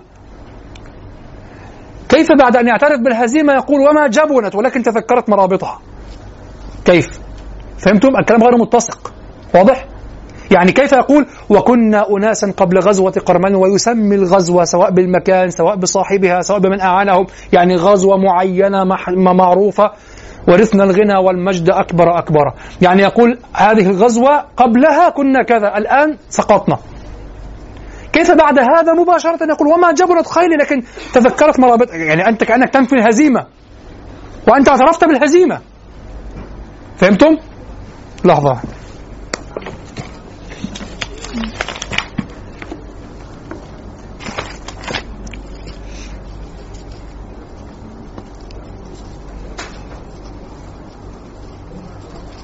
واضح؟ فلذلك الذي يظهر هنا أنه ما زال في الحديث عن نفسه لأنه يقول وما جبنت خيلي ولكن تذكرت مرابطها من بربعيصة وميسرة كما أتذكر أنا الآن مرابطي. واضح؟ مواضعي بلادي. فهذه الخيل التي انهزمت في هذه الحرب شوف أنا أزيد الآن على ما قاله الدكتور عبد الله الطيب. وكنا أناسا قبل غزوة قرمل هزموا ثم يقول وكأنه يقول والذي هو أشد من الهزيمة هو هذه الغربة اللي أنا فيها الآن. ولعلها لم تهرب لعلها لاقت ما أنا ألاقيه الآن فتركت المعركة وذهبت هناك. لأنه يعترف بالهزيمة. تفهمون هذا؟ جربوا الآن البيتين مع بعضهما. وكنا أناسا مع سياق الغربة. وكنا أناسا قبل غزوة قرمل ورثنا الغنى والمجد أكبر أكبر. اتهزمت خلاص. يقول وما جبنت خيلي. ولكن تذكرت مرابطها. يعني لعل الهزيمة كانت بسبب تذكر المرابط أصلا. يعني لم تجبن ولكن انهزمت لأنها تذكرت مرابطها. يعني إذا هو الآن يت... ما زال في الحديث عن الهزيمة صح؟ لكن ليس عن جبن. لعلها تذكرت كما أتذكر أن هذا أشد من الجبن في الأثر. كأنه يقول الذي هو أشد من الحرب ما أنا فيه الآن. انتبهتم من الكلام؟ اختراع السبب يعني ها؟ هو ليس اختراع لا لا ليس اختراع سبب. هو ما زال في الكلام في سياق نفسه الآن. يعني أنت الآن تتحدث عن فلان. أنت الآن تتحدث مثلا عن أنك آه، أو شخص يتحدث عن أنه لا يحبه الناس مثلا لا يحبه الناس. لماذا أنا طبعي سيء؟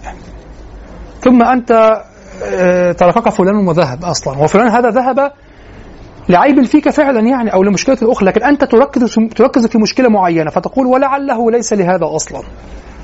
أو تركك لخلاف مادي أموال فتركك وانصرف قل فلعله ليس لهذا. لعله وجد في أيضا هذه الصفة أيضا لعله شعر بها هو أيضا. وجدني أيضا ضيق الخلق وكذا وكذا فتركني. يعني أنت تحمل المعنى الذي أنت تعيش فيه كل أسباب ما حولك كل ما تجتلبه تقول ألم ننهزم هناك؟ لعل هزيمة الخيل كانت بسبب ماذا؟ بسبب أنها تذكرت فرأت من الألم ما أراه الآن. فهمتم؟ وما جبنت خيلي ولكن تذكرت مرابطها من بربعيس وميسرة هذه المواطن بربعيس وميسر في الشام. وهذا يؤيد أنها غزوة كانت في الشام ولكن أيضا ليس مع الروم. تفضل. يعني جبنت خيلي بس هو جبنت آه هما جبنت خيلي أنا هنا هو هنا بينفي قضية الجبن إن إن ممكن تروح مهزومه لا هو بينفي لذلك أنا قلت أنا حتى مما دونته عندي في البيت قلت وهذا يدل على أن المراد بالخيل الخيل الحقيقيه وليس ال وليس ال ليس الفرس ليس فرسان. يعني هو يقصد الخيل هنا. يقول الخيل لم تخف لكن تذكرت مرابطها لأنه يقيس نفسه على هذه الخيل. فيقول لعلها رأت بعض ما أرى الآن. نعم هي وخاصة أن الحرب شوف هذا من الدلائل أن بربعيس وميسر في الشام وهو كان في الشام. فيقول لعل الخيل في هذه الحرب التي الغزوة كانت في الشام يعني كندة حاربت بعض العرب الآخرين أو كذا لكن تحت تحت في الشام أو قرب الشام أو أو تحت مملكة الروم لكن حاربت عرب ليس الروم مثلا يعني. وبالمناسبة طيء كانت تنزل في الشام كثيرا جدا. يعني طيء متاخمة للشام واضح؟ طيب. فيقول لعلها لما كانت بالشام يعني بربعيس وميسر قالوا كانت هناك غزوة في الشام. أبو عمرو بن العلاء يقول سألت عنها لكن لم العلماء لكن لم اعرفها لكن يعرف أن هناك كانت غزوة عظيمة هناك في هذا المكان. فواضح أن كندة كانت تحارب هناك شخص. وربما وربما هذا يؤيد آه أن المحارب أن الذي حارب معهم شخص اسمه قرمل بالفعل من ملوك اليمن. آزرهم في هذه الحرب التي وقعت في الشام لأن مملكه كندة معادية للغساسنه والمناذره واضح؟ وهذه الممالك خاضعة للفرس والروم وهم أصلا حاربوا المناذرة من قبل كندا وأخذوا من أرضهم لما دخلوا واستوطنوا وتوسعوا. واضح؟ لو نظرتم في الخرائط خريطة العرب قبل الإسلام قبل الإسلام كندا تدخل هكذا تبتلع كل نجد إلى فوق. واضح ولذلك الأماكن تكثر جدا في شام القيس. فخيله كانت ولذلك ذكر بربعيس وميسر لأن هذه الأماكن أعيان الأماكن هذه الأسماء أسماء أماكن في الشام. وهو قال هذه القصيدة في الشام.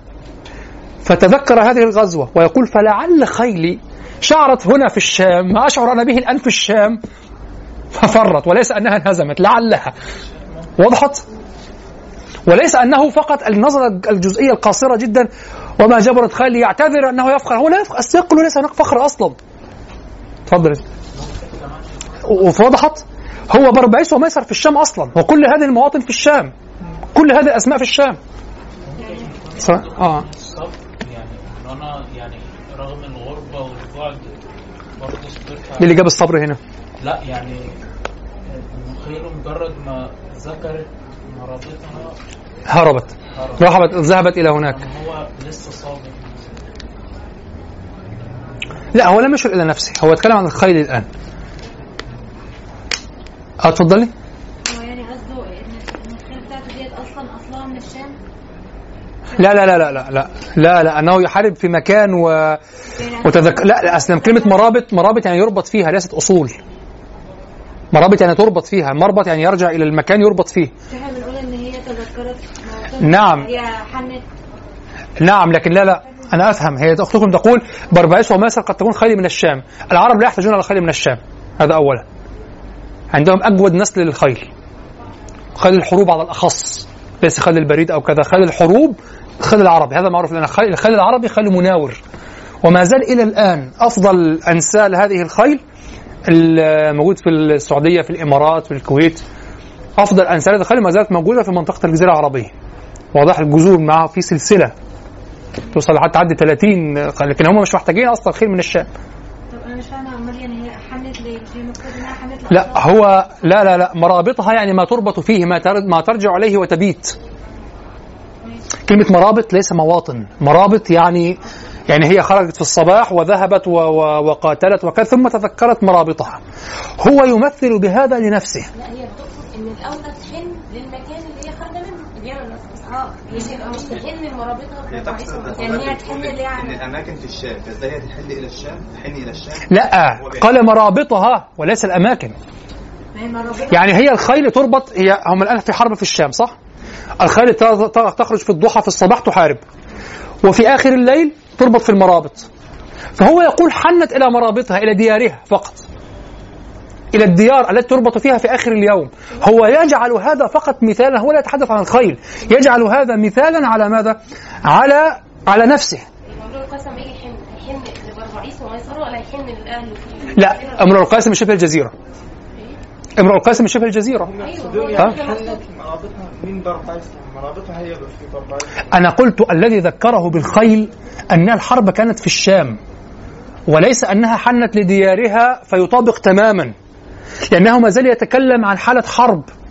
هل ستحن وهي في حالة الحرب إلى ديارها هناك في في في شبه الجزيرة؟ لا.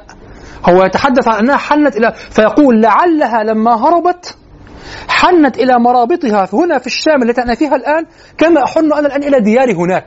يعني يطابق بين حالتين وليس بين المكانين يجعل نفسه بالضبط مكان الخيل. هي ملاحظة جيدة. يعني أختكم تقول إذا كانت الخيل حنت وهي خيل عربية ينبغي أن تحن إلى إلى موطنها حتى يطابق حنين امرئ القيس إلى موطنه صح؟ لكن هو يتحدث عن حالة هروب فأخذ هذه الجزئية التي وقعت في الشام لأن الانهزام الحرب طب ال- يتكلم عن الانهزام صح؟ الانهزام ستهرب إلى شبه الجزيرة أم تهرب إلى مرابطها؟ إلى مكان تكوين الجيش فيقول لعلها حنت إلى مرابطها لا هربت إليها والعلاقة بين القيس والخيل هنا أن كل هذا وقع في الشام. طب وإيه الفايدة في إن هو يدخل المكان؟ لأن آه أنا قلت هذا. لأن بربعيس وميسر يشترك مع كل الأسماء المذكورة في الشامية في كونها من الشام. يعني كأنه يقول الخيل كانت في الشام كما أن الآن في الشام. يعني هو يجعل مكان الشام هكذا كله كل مكان الشام هكذا مجالا لصراع نفسه لشوقه ولغربته كما وقعت الغربة في الخيل وإن فرت هي إلى مرابطها في الداخل. وليس في وليس في خارج جزيرة العرب وإن كان هو يحن إلى أرضه. يعني حنين الخيل أو الغربة التي استشعرت بها الخيل والغربة التي أشعر بها أنا كل هذا وقع في الشام. ولكن الخيل حنت إلى مرابطها لأن هذا أقصى تصورها. حنت إلى مرابطها في الجيش الجيش نقطة الانطلاق في الحرب وأنا حننت إلى أرضي. لكن الصورة التي أخذها وأطرها هكذا أن بربعيس وميسر وقذاران وما وحماه و... وال... وماذا ذكر قبلها؟ حماه وماذا؟ ها؟ وبعل بكة وكذا. كل هذه مناطق في الشام. والخيل حنت في الشام. أنا قلت هنا بربعيس وميسر مناسبتها أنها شامية فقط. وإن كان سيحن إلى أماكن في داخلها لكن هي مرابط. لا مش فاهمة يعني لو هي الشام وهي هت- هتحمل مرابطها طب ما هو طبيعي. المرابط المرابط هنا مرابطها النسبية مرابطها داخل الحرب. لأن الح- الغ- الخيل حينما تهرب ترجع إلى المكان الذي خرجت منه. لن تظل تهرب تجري تجري حتى تذهب إلى جزيرة العرب. أيوه تمام. آه. ماشي. يعني هي يعني إيه فايده إن هو يدخل هو أصلا الحرب في الشام فهي طبيعي إنها تحمل مرابطها اللي هي في الشام برضه يعني. طيب. المناسبة هنا تتعلق به هو أنها حنت وهي في الشام كما حننت أنا وأنا في الشام. فقط أن الشام مكان لوقوع هذه الغربة. الذي ذكره هو وقوع هذه الغربة في الشام. يعني هو تذكر خيله التي حنت إلى بيوتها وهي في الشام وبيوتها التي هي مرابطها في الشام في وقت الحرب.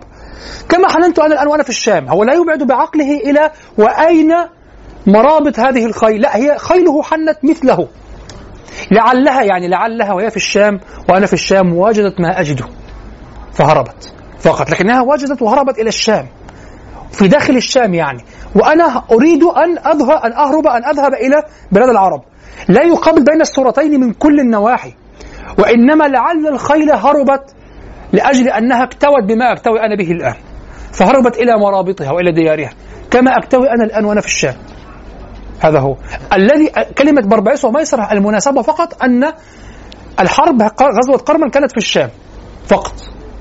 هذه المناسبة. وأن الشام هي موضع حصول هذه الغربة. حتى وإن كانت غربة الخيل في في أو حنين الخيل إلى أماكن التي هي المرابط في داخل الشام وحنينه هو خارج الشام. هو لا يقابل الصورة من كل النواحي. الشام مناسبة فقط. طيب الموضوع نجعله يعني مجال للتفكير. يعني هو لا تقنع نفسك بال- بالقوة يعني. آه ليس بالقوة لا لا يعني, لا. يعني الفكرة إن هو مثلا الشارع بابه واسع جدا في هذه الأمور. بعيد عن مكان وبيحن المكان ده تستخدم الصورة بتاعت الخيل في التعبير عن صورة هو فقط أراد أن يشوف أصلا أصل الكلام أصل الكلام كله أنه أراد فقط أن يبين قوة ما به. فيقول تذكرون خيلي حينما هربت. لأنه اعترف بالهروب في وكنا قبل غزوة قرمل صح؟ اعترف بالهروب. فتذكرون كأنه قال تذكرون هذه التي هربت؟ لعلها لم تهرب إلا حنينا كما أنني الآن أشعر بهذا الحنين يعني الحنين جعل الخيل تهرب من الحرب. وبالمناسبة الخيل في الحرب أشجع من الفرسان أصلا. خيل يضرب ويقتل ويسيل دما وكذا هو وهو عصبي الخيل العربي عصبي. لا لا يفر إلا إذا وجهه صاحبه. لا يهرب بصاحبه هو يريده أن يقاتل. لا. واضح؟ فيقول لعلها لعلها وجدت بعض ما أجد. طيب كونها في الشام وأنت في الشام هذا فقط ذكرك بغزوة قرمل هذا هو. فقط. وأن الشام هي مسرح وقوع هذا الحنين. وإن كان الحنين عند العرب عند الخيل كانت إلى مرابط في الشام. وعندي أنا الحنين إلى ديار العرب. هذا هو. نفكر ها؟ تفضل يا سيدي تفضل. يمكن يمكن الخيل يا مولانا لما حنت كانت في بربعيسة وميسرة مش المرابط اللي في بربعيسة وميسرة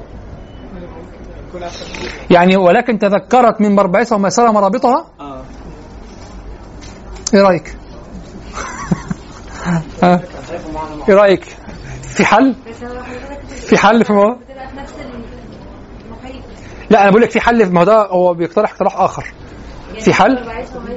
يعني ولكن تذكرت من مربعيسة وميسرة. يعني من هنا متعلقة من بتذكرت ونقدر نحط من مرابطها آه، مرابطها بين قوسين لأن المرابط هنا إيه؟ المرابط هنا تمثل الديار التي يريدها في هناك فيها حل دي صح؟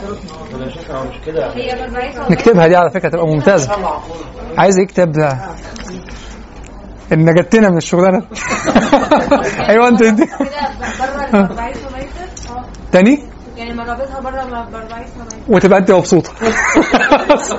بس يا شيخ نهتم بالتفاصيل يعني زيادة. هو هو هو يعني هو لا هو مش شرط. لا بالعكس هو مناقشتها ممتازة على فكرة. أنا قصدي هو ان هو عايز يوصل الفكرة بس إن هو بيحن المكان فبيستخدم تشبيه الخيل بس صح؟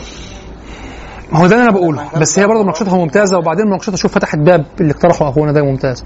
ولكن تذكرت مرابطها. يعني من بربعيسة تذكرت من بربعيسة وميسرة مرابطها. هناك. نسيتها تصفينا كده خلاص صح؟ كده مفيش مشكلة. يا رب تطلع كده. لسه هذا ابص فيها مدة يعني. هم؟ يعني تذكرت والتذكر كان من هذا المكان. آه. لا إزاي فيه؟ معايا نسخة معاكي لا ليه ما خدتش النسخة بره موجود؟ آه. مش مشكلة. يعني لو كانت فيه ولكن تذكرت مرابطها في بربعيسة وميسرة طبعا يبقى الظاهر هنا جدا إن هي آه. تبين شدة الحنين مرابطها. يعني أوقعها قبل بربعيسة ويسرى. سبحان الله. وما جبنت خيلي ولكن تذكرت مرابطها من بربعيسة وميسرة حلوة. حلو جميل. مم. هو لانني ما لم أجد يعني مشكلة في الأول لم أذهب إلى هذا التفسير مع أنه قد يكون أصح يعني أو قد يكون الصحيح لكن لم أجد مشكلة من الأول. لأن أنا متخيل ولكن يعني هو لأنه يريد أن يأخذ حالة الخيل في الشام بس خلاص هكذا. مع حالتي وأنا في الشام. وإن كان حنينها زي ما أنت بتقول كده حنينها إلى مكان في الشام لكن هو فقط لأن الحنين من الخيل ومن نفسه وقع في الشام وهو يبين قوة ما عنده من الحنين. فقل لعل خيلي حنت إلى المرابط كما حننت. فقط. ولا علاقه ولا علاقة بكون المرابط في الشام أو خارج الشام بس هو ده ده اللي أنا قصدته. ولذلك لم أبعد أكثر من ذلك. لكن التفكير بتاع أختنا خلى فتح باب هنا. وده لا مانع منه يعني لا مانع منه. أنا قصدي مش هست... الإفادة يعني إن أنا هستفيد إيه إن أنا اداء في, دي في التفصيلة دي يعني أو النقطة لو في إفادة ماشي لكن لو مفيش إفادة يبقى أنا بضيع وقت. لا هنا سيكون باب جديد لأن كلمة المرابط هيكون إضافة جديدة. هيكون امرؤ القيس بيذكر مرابط الخيل وعندي أنا ال- يعني سيك- يذكر المرابط والمقصود من المرابط آه، دياري أنا. واضح؟ لكن أيضا في كلا الحالتين الخيل هنا مراد بها الخيل وليس الفرسان. في ظني والله أعلم. في نعم. هو والخيل الاثنين صحيح. هو تفسير جميل بصراحة وربط جميل. إيه عايز كتاب إيه؟ ليك عندي ديوان زهير خلاص؟ لا لا هو عندي ديوان زهير. عشان اول نبدأ فيه إن شاء الله بعد رمضان. أول ما يطبع إن شاء الله نسختك موجودة. هل التشكيل فرت فعلا ولا؟ وهذا في أي حرب فيها فر وكر. ما فيش أي حرب ما فيهاش فر ولا كر. اللي فر بس أو فر بس دي مصيبة لكن كر بس كمان دي كمان انتحار يعني. لا يعني هل هي فرت نهائيا فعلا ولا هل هو جايب سيرة الفرار كناية عن الهزيمة؟ لا هو الكلام هنا عن الفرار فقط. وهنا طبعا واضح إنه انتلبت الهزيمة. ان هو بيك وكنا اناسا قبل غزوة قرمان فهو بيتكلم عن الفرار اخير اللي استجلب الهزيمه اقتضى الهزيمة طبعا. تعقبه الهزيمة أو هو نفسه الهزيمة خلاص. واضح؟ ما طبيعي خلاص. أنت بتوصل لمرحلة المسلمين في حربهم بيفروا. هم يعلمون إن هي إلا إحدى حسنيين يعني لكن بيفر. طبيعي يعني. أنا شايف إن ده كناية عن قد يكون كناية عن فرار أصحابه فهو فهو يعني جاب الخيل مكانها. على التفسير ده برضه أنا شايف إن هي وما جبنت أنا برضه يعني وما جبنت فرساني ولكن تذك... لا. تفسير الفرسان بها سيء قبيح. الخيل ممكن. تفسير الفرسان بها هنا مش هتخلص بقى. هي هي الخيل زي ما حضرتك قلت إن الخيل لا تفر. خاصة الخيل العربي. آه. هو لا يفر. إن الخيل لا يفر يعني. لا يفر ولا يح ولا يحن أو لا يعود إلى المعركة. يعني هو حن فرجع صحيح لكن هو يقصد هنا فرار الخيل. لأنه يريد أن يمثل لنفسه هو. عن نفسه وعن فرسانه. بالضبط. الف... الفرس لا يفر جبنا. تمام. يبقى, يبقى قد يكون حصل فعلا جبن من فرسانه بس هو مش عايز يقول كده. فهو فهو قال إن الخيل هي اللي عملت كده هو قطع النظر حصل جبن من فرسان ولا لأ؟ هو لا يقصد النفي. لا يقصد يعني يقول لك أنا لما كنت جبانا لأنني محكوم ب... بسياق القصيدة بالتمثل.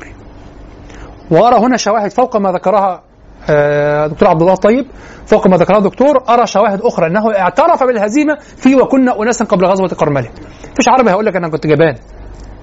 فيش ثم هم أصلا لا الجبن ليس منتشرا فيه خاصة كنده أصلا معروفة بال معروفة بالقتال وبالتفاني فيه. معروفة معروفة حتى قرأت في تاريخ كنده كنده معروفة بال- بالعنف في القتال وبالشراسة في القتال. معروفة مع العنجهية والكذا أنهم يموتون ولا لا, لا يعني لا لا يحكمون. يعني كنده هكذا. ولذلك أقول ربما إذا لم يكن المتنبي رحمه الله كنديا المتنبي يقال فيه الكندي ربما نشأ مع بعض البيوتات من هو نشأ في في الكوفة، الكوفة كانت حي كندة. في الإسلام استقروا في الكوفة. واضح؟ فهو بيقال في الكندي. كتاب العود الهندي للشيخ السقاف العود الهندي في أمالية على ديوان العود الهندي في أمالية على ديوان الكندي. واضح؟ فهو آه فأقول ربما اكتسب هذه هذا التعاظم الذي فيه وهو رحمه الله كان متعاظما جدا في نفسه. وكان معظما نفسه ربما اكتسبه من الكنديين. أو كان كنديا فعلا. وهو كوفي فغالبا كان كندي. الله أعلم. لأن البعض يطعن في نسبه وابن سقاء وكذا. حتى لو ابن سقاء في الكوفة هتلاقيه كندي أيضا. واضح؟ فأظن المتنبي يعني قد يكون غالبا كنديا على الحقيقة والله أعلم. أو نشأ مع بيوتات كندة على هذه على هذا الروح. والله أعلم. وما جبنت خيلي ولكن تذكرت مرابطها من بربعيص وميسرة. الآن ينتقل إلى ما يعني يغلق به كل ما سبق من المعاني. أول شيء أنبه عليه في هذه الأبيات الثلاثة الباقية ألا رب يوم صالح قد شهدته بأنه لا يقصد أيام الحرب كما يقول علم شنتمري. علم شنتمري وبعض الشراح يقولون يقصدون أيام الحرب.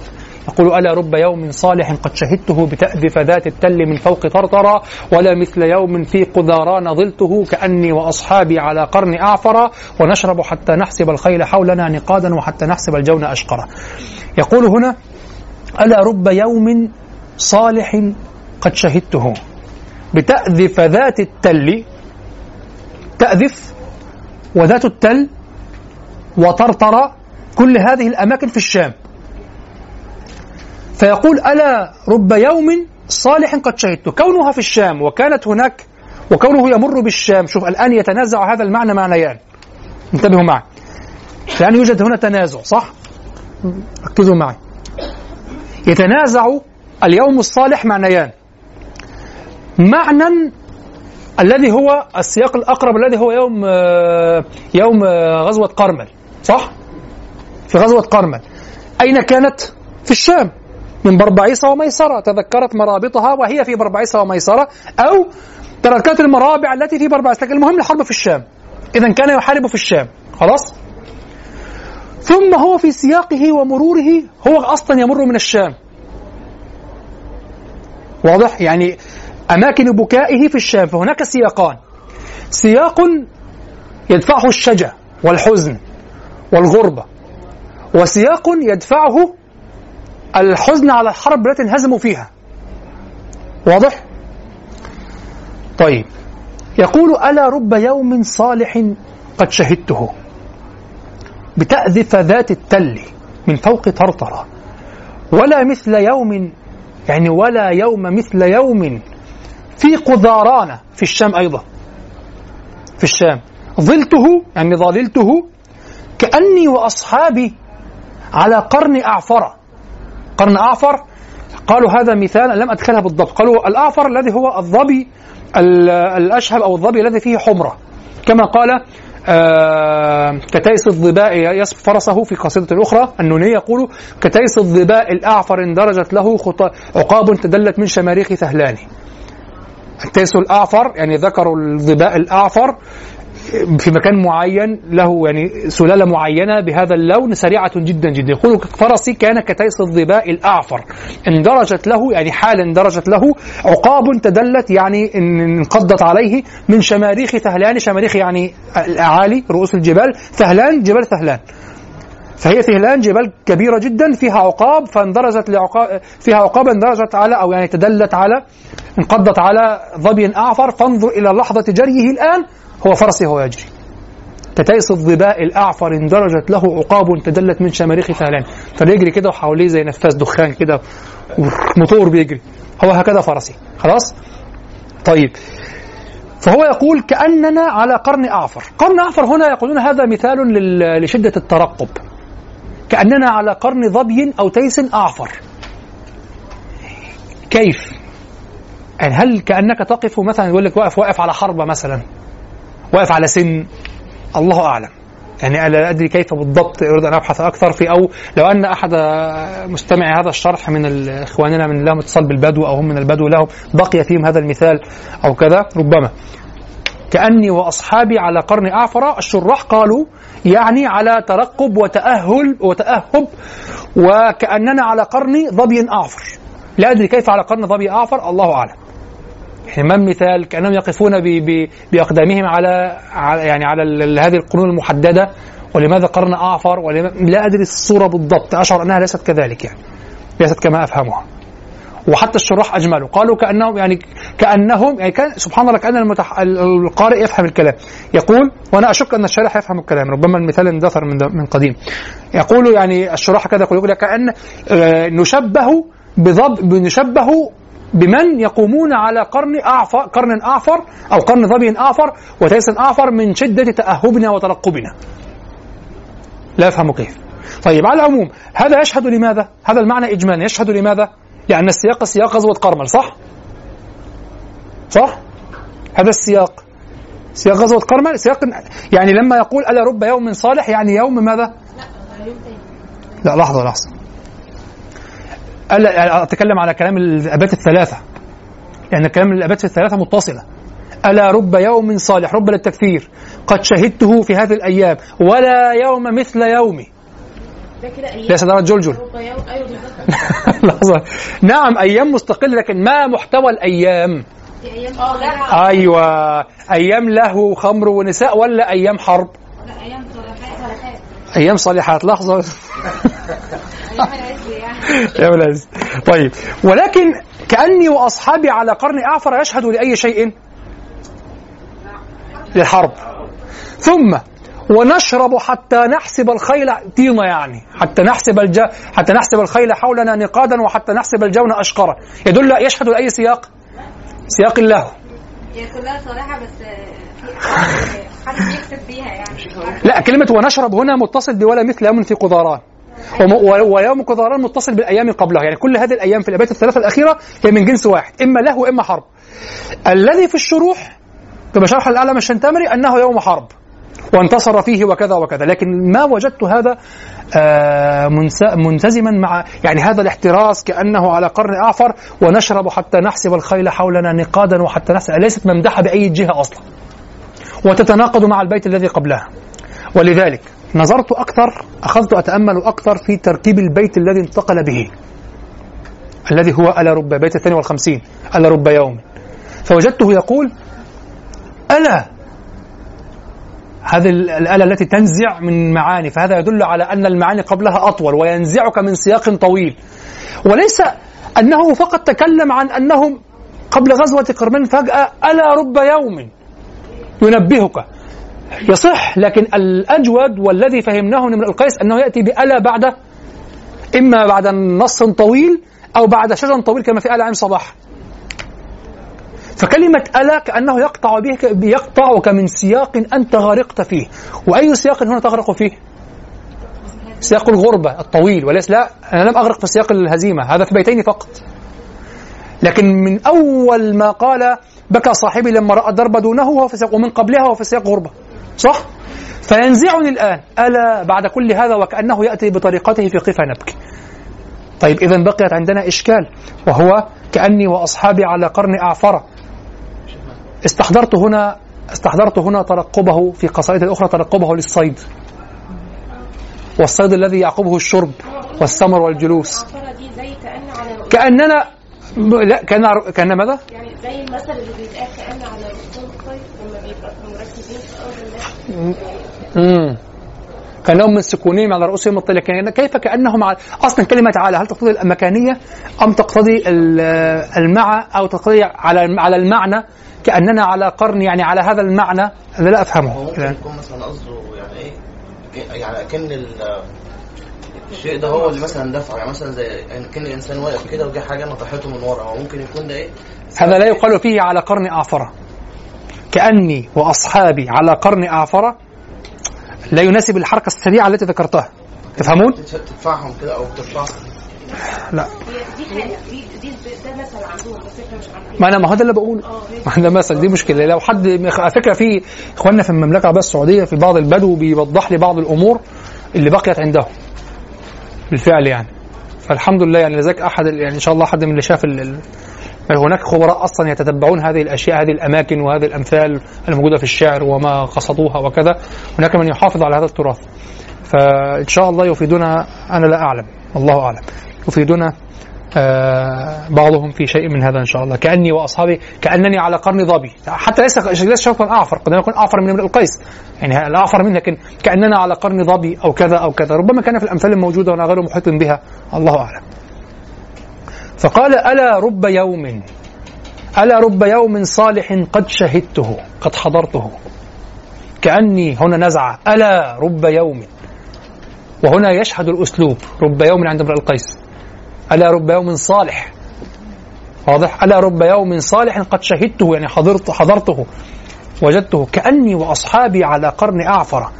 متأهبون هكذا وكان يتكلم عن الصيد ينتظرون الصيد أو كذا أو يتأهبون لأنهم تسللوا إلى ديار غير ديارهم لأنه سيقول كذاران كذاران في الشام. يعني وصلت رحلته إلى الشام. فتسلل ربما. الله أعلم هكذا يتسلل المحبوبة هناك ما أظنش الله أعلم.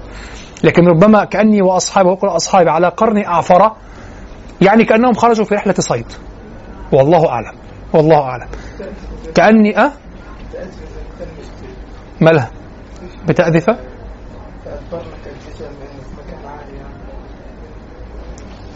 نعم هو قل بتأذف ذات التل أنهم يترقبون على مكان عال يعني؟ يعني يشبه الذي ينتظر آه آه آه يتكلم التي في المرق فأدبرنا كالجزع المفصل بينه لأنه رآها من أعلى. فهو ينقض على ال- ال- ال- القطيع من الأعلى. فربما فأنهم على تل ومن فوق طرطرة فوق هذا المكان يعني هو رابط فوق هذا المكان فكأنه ينتظر فهو يتأهب وهذا مذكور في بعض شعره كذلك. لما قال و- وأخذوها من القيس زهير وغيره في القافية. بعثنا ربيئا قبل ذلك مخملا كذئب الغضا يمشي الضراء فيتقي واضح؟ فنعم يذكر تحف- تحفظه وتحفزه ونظره وترقبه والتصاقه بالتراب و... هذا في القافية القاصدة الثلاثون في في الديوان معكم بفضل إبراهيم. وده مش يوم مختلف؟ ولا يوم مثل يوم هذه لا لا هذا يوم يدخل في ربة الأيام الكثيرة. لكن كلها في الشام. لأن تأذف وذات التل وكذا في الشام. نحن قال نفسر البيت الأول اللي هو 52 أنه كان للصيد. لكن يوم في قذارانة كأني على قرن أعفرة هو يذكر يوم من هذه الأيام اللي كانت في الصيد أيضا. واضح؟ هو مش ممكن يكون الحرب متأهب للانتصار يعني هو متأكد من انتصاره. فمتأهبين جدا وبعدين بعد لا هو قرن أعفر الشروح تقريبا أجمعت على أنه يريد الحذر. الحذر. لأنهم فسروها بسياق الكلام على غزوة قرمل. يعني كأنه يقول وما جبنت خيلي ولكن كذا. ويا رب يوم انتصرت فيه شهدته. وانتصر. يعني كلمة شهدته كلمة شهدته تشهد للحرب. لكن رب يوم صالح عند امرؤ القيس تشهد للعكس. واضح؟ لا هو مقصود به الترقب يعني حذر أن يسمعك هذا هو يعني مترقب هم فسروها بالحذر لأجل الحرب لكن هي معنى الترقب وال- والتأهب عموما لأنه في في القافية ماذا يقول؟ يقول بعث آه، بع- آه، بعثنا ربيئا قبل ذلك مخملا كذئب الغضا يمشي الدراء فيتقي فجاء كمثل الخشف يحف آه، ماذا؟ يرفع رأسه وسائره مثل التراب المدقق يعني هو يسير هكذا يسفن بطن يسفن بطنه كما يقولون يعني يعني يل- يلصق بطنه كالسفينة في الماء يلصق بطنه في الأرض هكذا فيحترس. هذا كأنه على قرن اعفر والله أعلم. أنا هذا كله أفسره بغلبة الظن وليس بالجزم. اليوم بتاع الطيران ده هو كان انتصروا فيه هم مثلا كانوا خايفين في الأول فهو بيتذكر يعني هو دلوقتي قال آه آه آه آه. لا لا لا أختكم لفتتني إلى إن في ممكن يكون في تفاوت زمني شديد. بين ال- قبل الأخير والبيت الأخير. يعني ظللنا محتاطين. ونشرب بعد أن هز بعد أن هزمناهم. ده رأيك صح؟ جميل. عايز ديوان زهير. ليك عندي ديوان زهير. خلاص؟ خلاص. ذكرني كده في اتنين عايزين ديوان زهير النهارده. حلوة لا جميلة. جميلة جدا. شفت لازم قلم الأحمر إزاي في الشغل ده؟ أنا أيضا فكرت في الاتصال طيب يعني قد يكون المقصود ألا رب يوم صالح قد شهدته بتأذف ذات التل من فوق طرطرا ولا مثل يوم لا شيء مثل يوم في قذاران ظلته وكأن كأني وأصحابي على قرن أعفر وكذا بالسيوف متأهبين وكذا ثم ونشرب حتى نحسب الخيل حولنا يعني بعد أن يعني الشرب نفسه كناية عن الانتصار صح؟ بعد التحفز الانتصار جميل حد جه في دماغه المعنى ده قبل اختنا؟ جه؟ ما تتكلميش ليه؟ لكن ديوان زهير دي ثلاثة النهارده وكفاية كده بقى قصة بتخلص اهي انت مش رخيص يا مولانا لكن ديوان زهير إن شاء الله ها؟ أنا أنا نفسي ريت اطلع أنا الصح مش هرجع لو إيه؟ كنت منتظر حضرتك تخلص الثلاثه مع بعض آه. ثلاث ايات مرتبطين بحاجة واحدة آه. مستني الشرح يكتمل إزاي يعني هم يوم واحد. الموضوع مش يوم واحد نمط واحد نعم. من الأيام. يعني لما قال هناك ألا رب يوم لك منهن صالح ولا سيما يوم بدارة جلجلي ويوم عقرت ويوم دخلت الخضر كلها أيام نساء لك منهن فهو نفس الكلام. لكن نحن هنا لم يصرح لنا بالأيام أو لم لم يبين لنا بالأيام. هل هي أيام الحرب أم أيام الله؟ فاحنا أنا أشوف نتداول الموضوع. لكن في النهاية هي أيام واحدة. يعني أيام من نمط واحد. طيب. ألا رب يوم صالح قد شهدته بتأذف ذات التل من فوق طرطرة ولا مثل يوم في قذاران ظلته كأني وأصحابي على قرن أعفرة ظلت يعني ظللته. أصلها ظللته. وهناك من العرب من ينقل الحركة ومن لا ينقل بعد أن يحذف ال- ال- اللام. يعني هي أصلها ظللته أو ظللته. فبعضهم يقول ظلته وبعضهم يقول ظلته. نعم. هذا يحدث تخفيفا فقط? فظلتم تفكرون نعم. انتظار يعني نعم ظللنا ظللنا. سأظل هنا. نعم. و... أه؟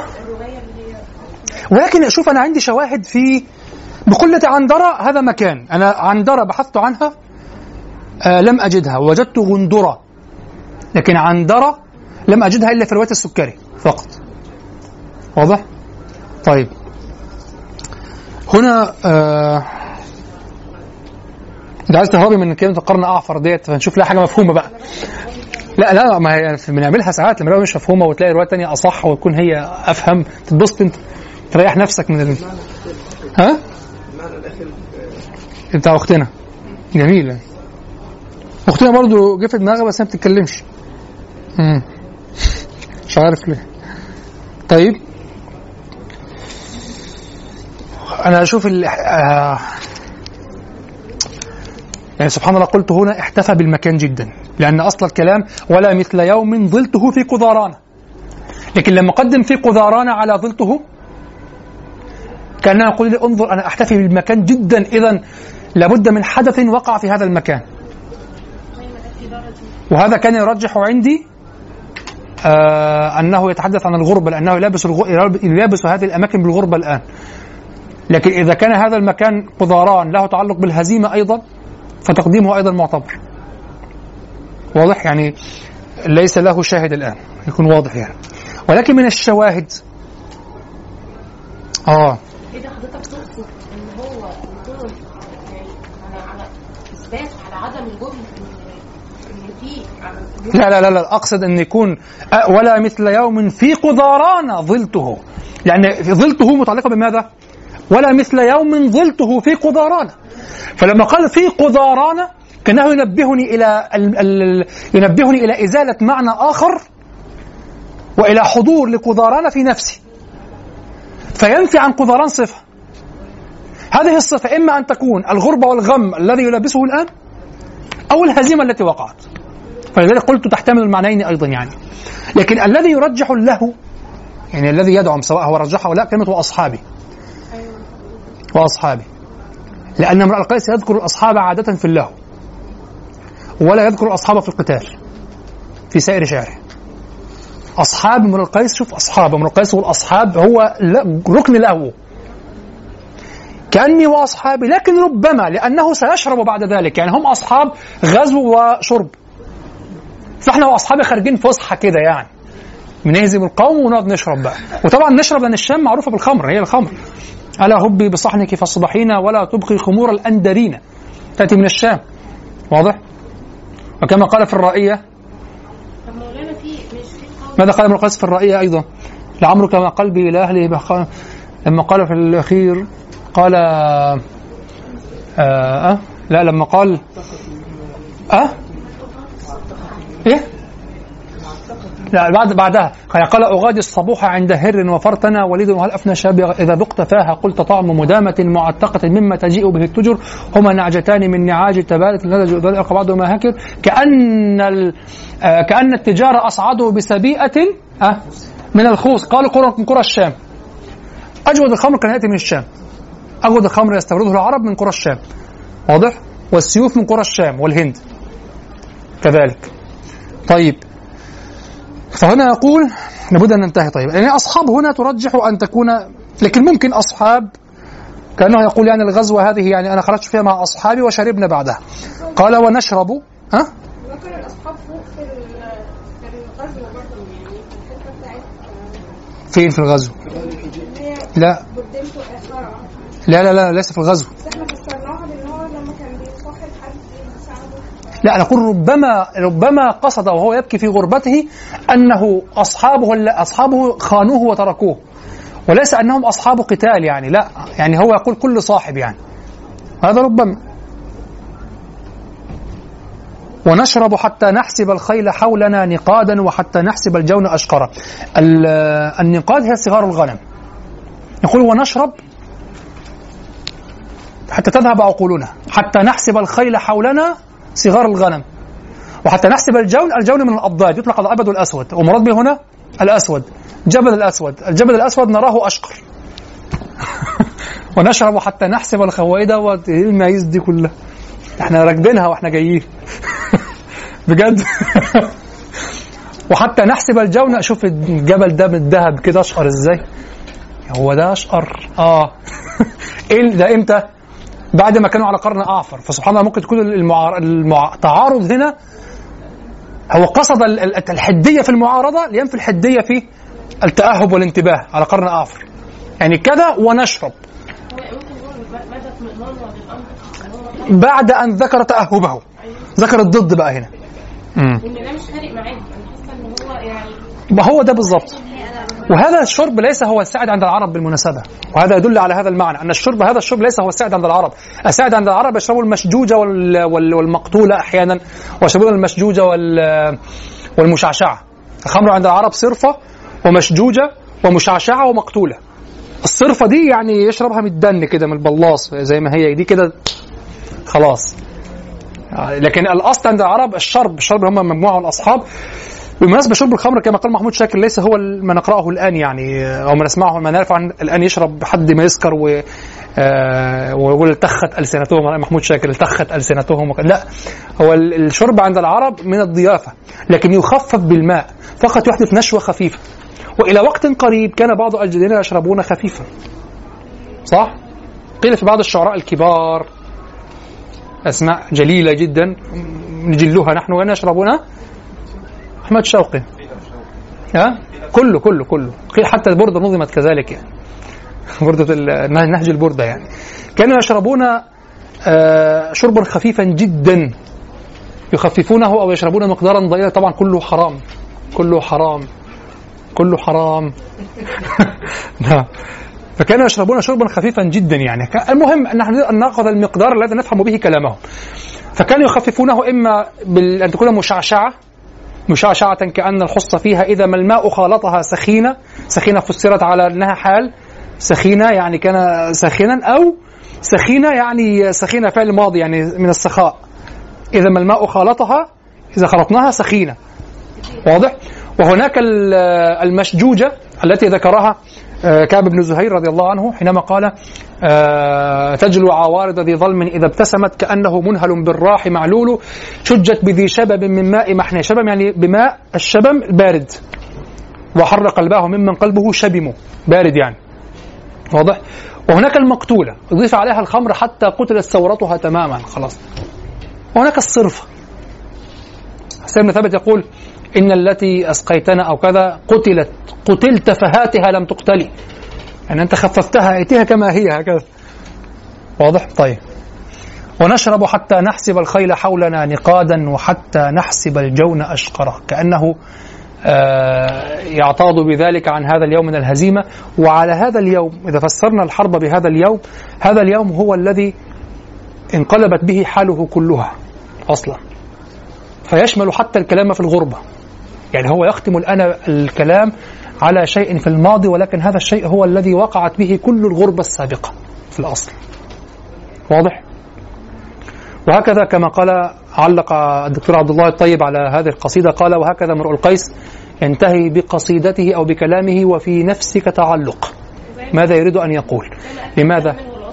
من كل منزلي. امرؤ القيس ماذا يحدث معه؟ عنده دفعة هو رجل صادق في شعره فعنده دفعة شعورية قوية ينتهي منها وينتهي خلاص توقف.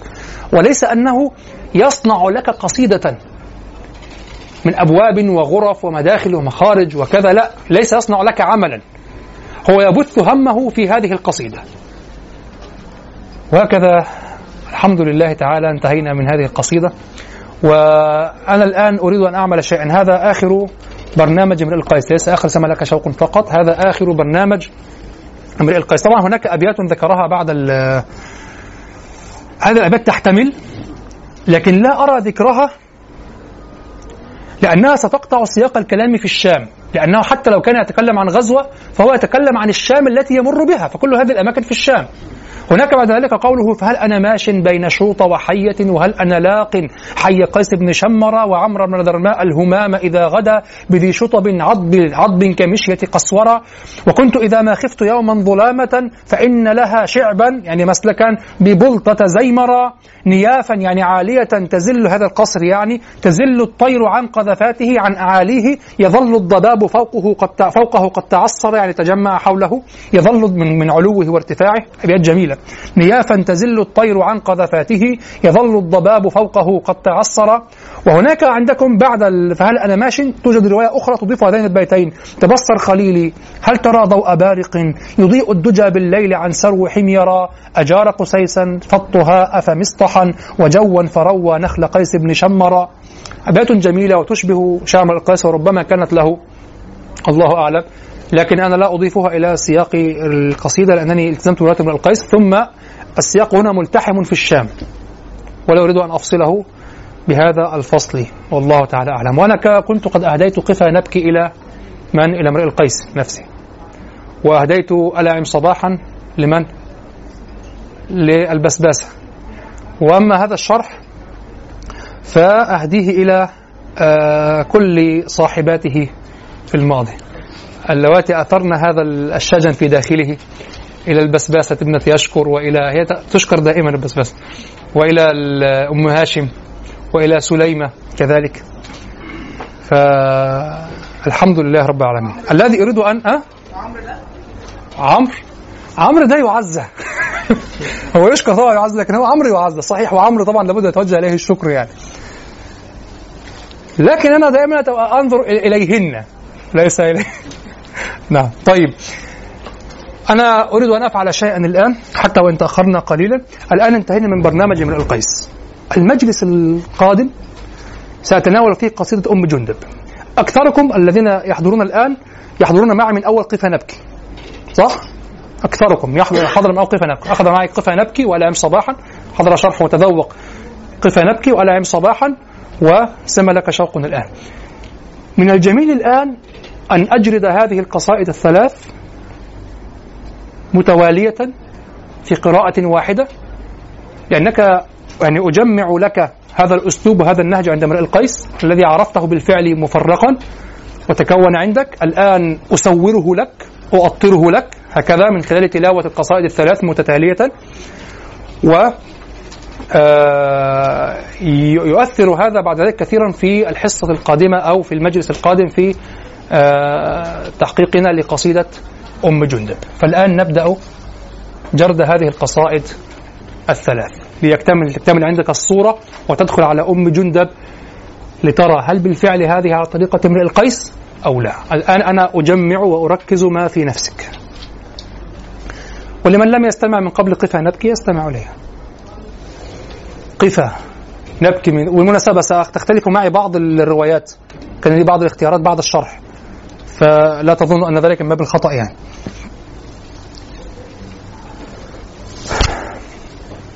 قفا نبكي من ذكرى حبيب ومنزلي. بسقط اللوى بين الدخول فحوملي.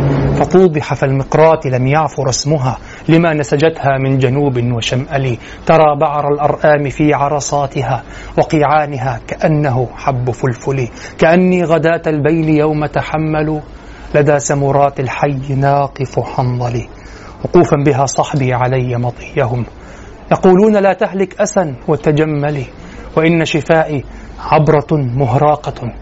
وهل عند رسم دارس من معول كدأبك من أم الحويرث قبلها وجارتها أم الرباب بمأسلي ففاضت دموع العين مني صبابة على النحر حتى بل دمعي محملي. ألا رب يوم لك منهن صالح ولا سيما يوم بدارة جلجلي ويوم عقرت للعذارى مطيتي فيا عجبا من رحلها المتحمل يظل العذارى يرتمين بلحمها وشحم كهداب الدمقس المفتل ويوم دخلت الخدر خدر عنيزة فقالت لك الويلات إنك مرجلي. تقول وقد مال الغبيط بنا معا. عقرت بعيري يا امرأ القيس فانزلي. فقلت لها سيري وأرخي زمامه.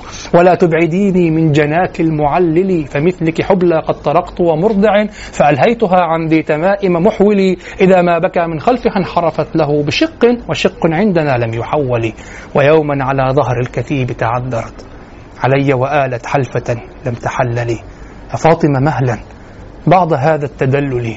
وإن كنت قد أزمعت صرمي فأجملي. وإن كنت قد ساءتك مني خليقة فسلي ثيابي من ثيابك تنسلي. أغرك مني أن حبك قاتلي وأنك مهما تأمر القلب يفعلي.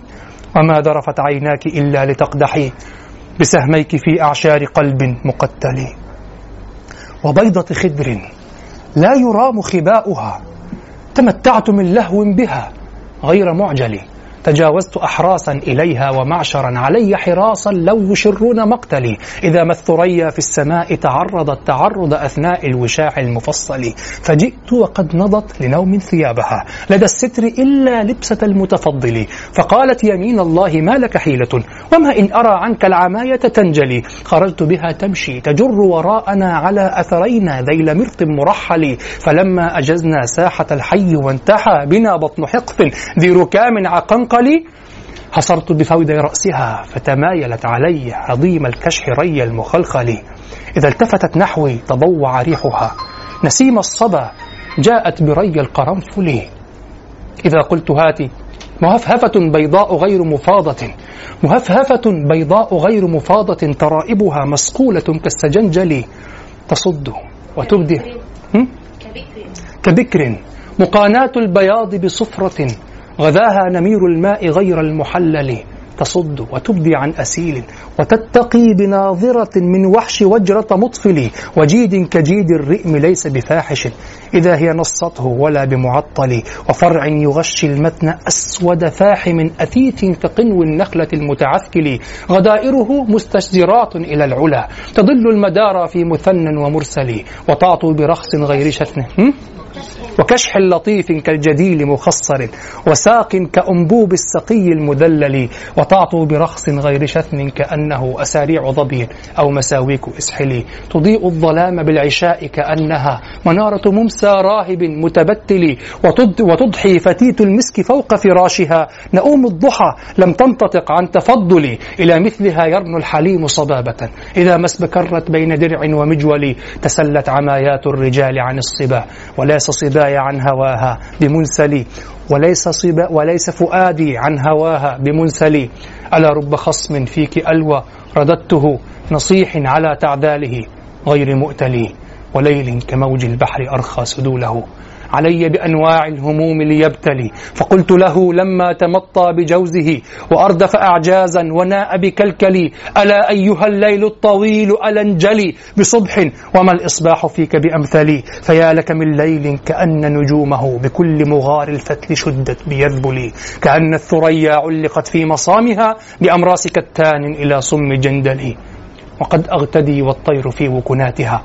بمنجرد قيد الأوابد هيكلي بكر مفر مقبل مدبر معا كجلمود صخر حطه السيل من علي. مسح إذا ما السابحات على الكميت يزل اللبد عن حال متنه كما زلت الصفواء بالمتنزل. مسح إذا ما السابحات على الونا أثرن الغبار بالكديد المركل. على العقب جياش كأن اهتزامه إذا جاش فيه حميه غلي مرجلي. يطير الغلام الخف عن صهواته ويلوي بأثواب العنيف المثقل. درير كخذروف الوليد أمره. تتابع كفيه بخيط موصل. له أيطلا ظبي وساق نعامة وإرخاء سرحان وتقريب تدفلي كأن على الكتفين منه إذا انتحى. مداك عروس أو سراية حنظل.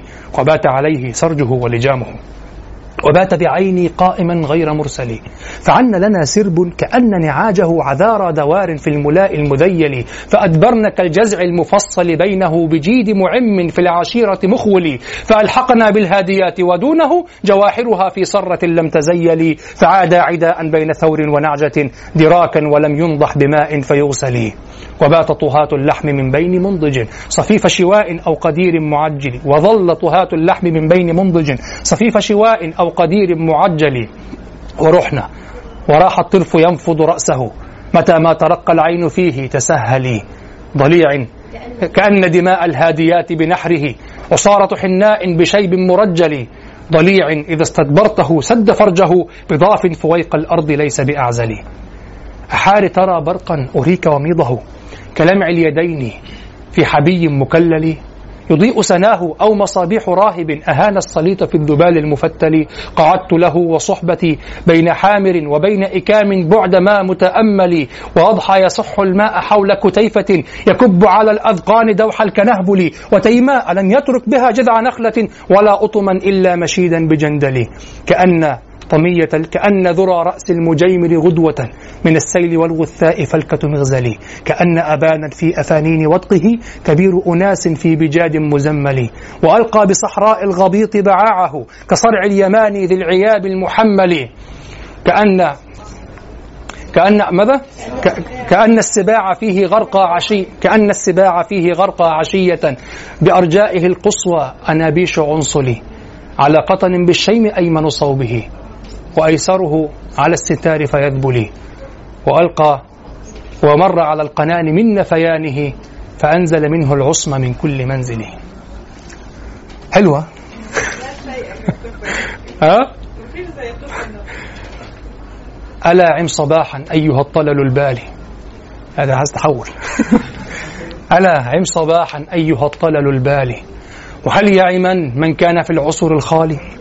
وهل يعمن إلا سعيد مخلد قليل الهموم ما يبيت بأوجال وهل يعمن من كان أحدث عهده ثلاثين شهرا في ثلاثة أحوال؟ ديار لسلمى عافيات بذي ألح عليها كل أسحمها الطال. وتحسب سلمى لا تزال ترى طلا من الوحش أو بيضا بميثاء محلال وتحسب سلمى لا تزال كعهدنا بواد الخزامة أو على رأس أوعال ليالي سلمى إذ تريك منصبا وجيدا كجيد الرئم ليس بمعطال ألا زعمت بسباسة اليوم أنني كبرت وألا يحسن اللهو أمثالي.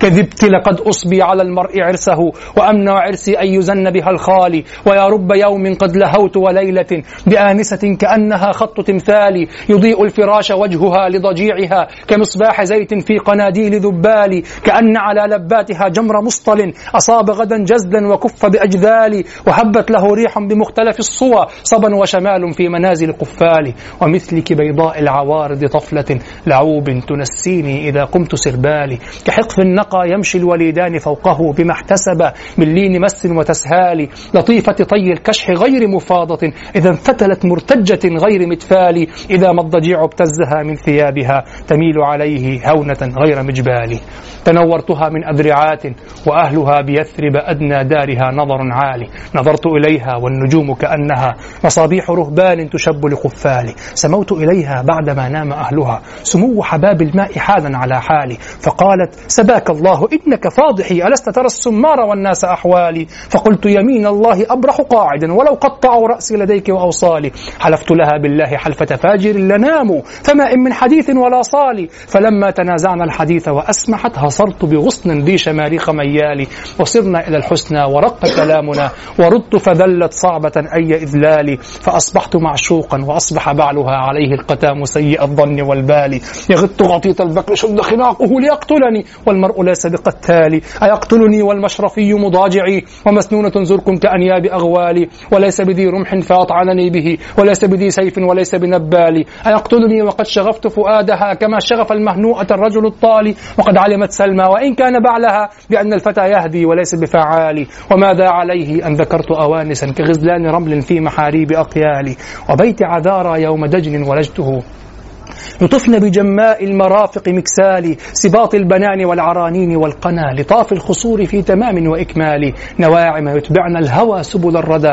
يقولن لأهل الحلم ضلا بتضلال. صرفت الهوى عنهن من خشية الردى ولست بمقلي الخلال ولا قالي كأني لم أركب جوادا للذة ولم أتبطن كاعبا ذات خلقالي ولم أسبأ الزق الروي ولم أقل لخيلي كري كرة بعد إجفالي ولم أشهد الخيل المغيرة بالضحى على هيكل النهد الجزارة جوالي. سليم الشظى عبل الشوى شنج النسى. له حجبات مشرفات على الفال وصم صلاب ما يقين من الوجه كأن مكان الردف منه.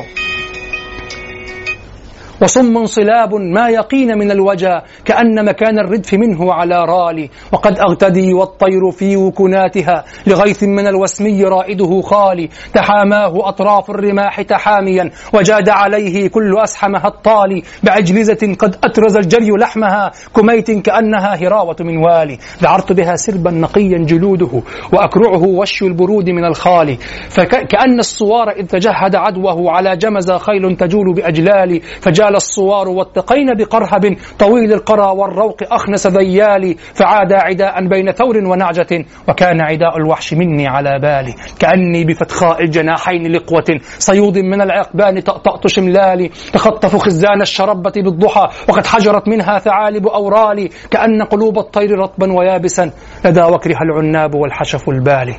فلو أن ما أسعى لأدنى معيشة كفاني ولم أطلب قليل من المال ولكنما أسعى لمجد مؤثل وقد يدرك المجد المؤثل أمثالي وما المرء ما دامت حشاشة نفسه بمدرك أطراف الخطوب ولا آل. سما لك شوق. وقع. وقع. سما لك شوق بعدما كان أقصى. ما ينفعش تأدي بنفس الطريقة. نمط الأسلوب. مستحيل. سما لك شوق. يعني تخيل سما لك شوق بعدما كان أقصر. لكن سموت إليها بعدما نام أهلها. سما لك شوق بعدما كان أقصر. وحلت سليمى بطن قو فعرعر. كنانية بانت وفي الصدر ودها. مجاورة غسان والحي يعمر. بعيني ضعن الحي لما تحملوا لدى جانب الأفلاج من جنب تيمرا فشبهتهم في الآل لما تكمشوا حدائق دوم أو سفينا مقيرا أو المقرعات من نخيل ابن يامن دوين الصفا اللائي يلين المشقرا سوامق جبار أثيث فروعه وعالين قنوانا من البسر أحمرا حمته بنو الربداء من آل يامن بأسيافهم حتى أقر وأوقرا وأردى بني الربداء واعتم زهوه وأكمامه حتى إذا ما تهصر أطافت به جيلان عند قطاعه. تردد فيه العين حتى تحير. كأن دمى سقف على ظهر مرمر. كسى مزبد الساجوم وشيا مصورا. غرائر في كن وصون ونعمة. يحلين ياقوتا وشذرا مفقرا. وريح سنا في حقة حميرية. تخص بمفروك من المسك أذفرا. وبانا وألويا من الهند ذاكيا. ورندا ولبنى والكباء المقترا. غلقن برهن من حبيب به ادعت سليمة فأمسى حبلها قد تبترا وكان لها في سالف الدهر خلة. يسارق بالطرف الخباء المسترا إذا نال منها نظرة ريع قلبه كما ذعر كما ذعرت كأس الصبوح المخمرة نزيف إذا قامت لوجه تمايلت. تراشي الفؤاد الرخص ألا تخترا أأسماء أمسى ودها قد تغيرا سنبدل إن أبدلت بالود آخر.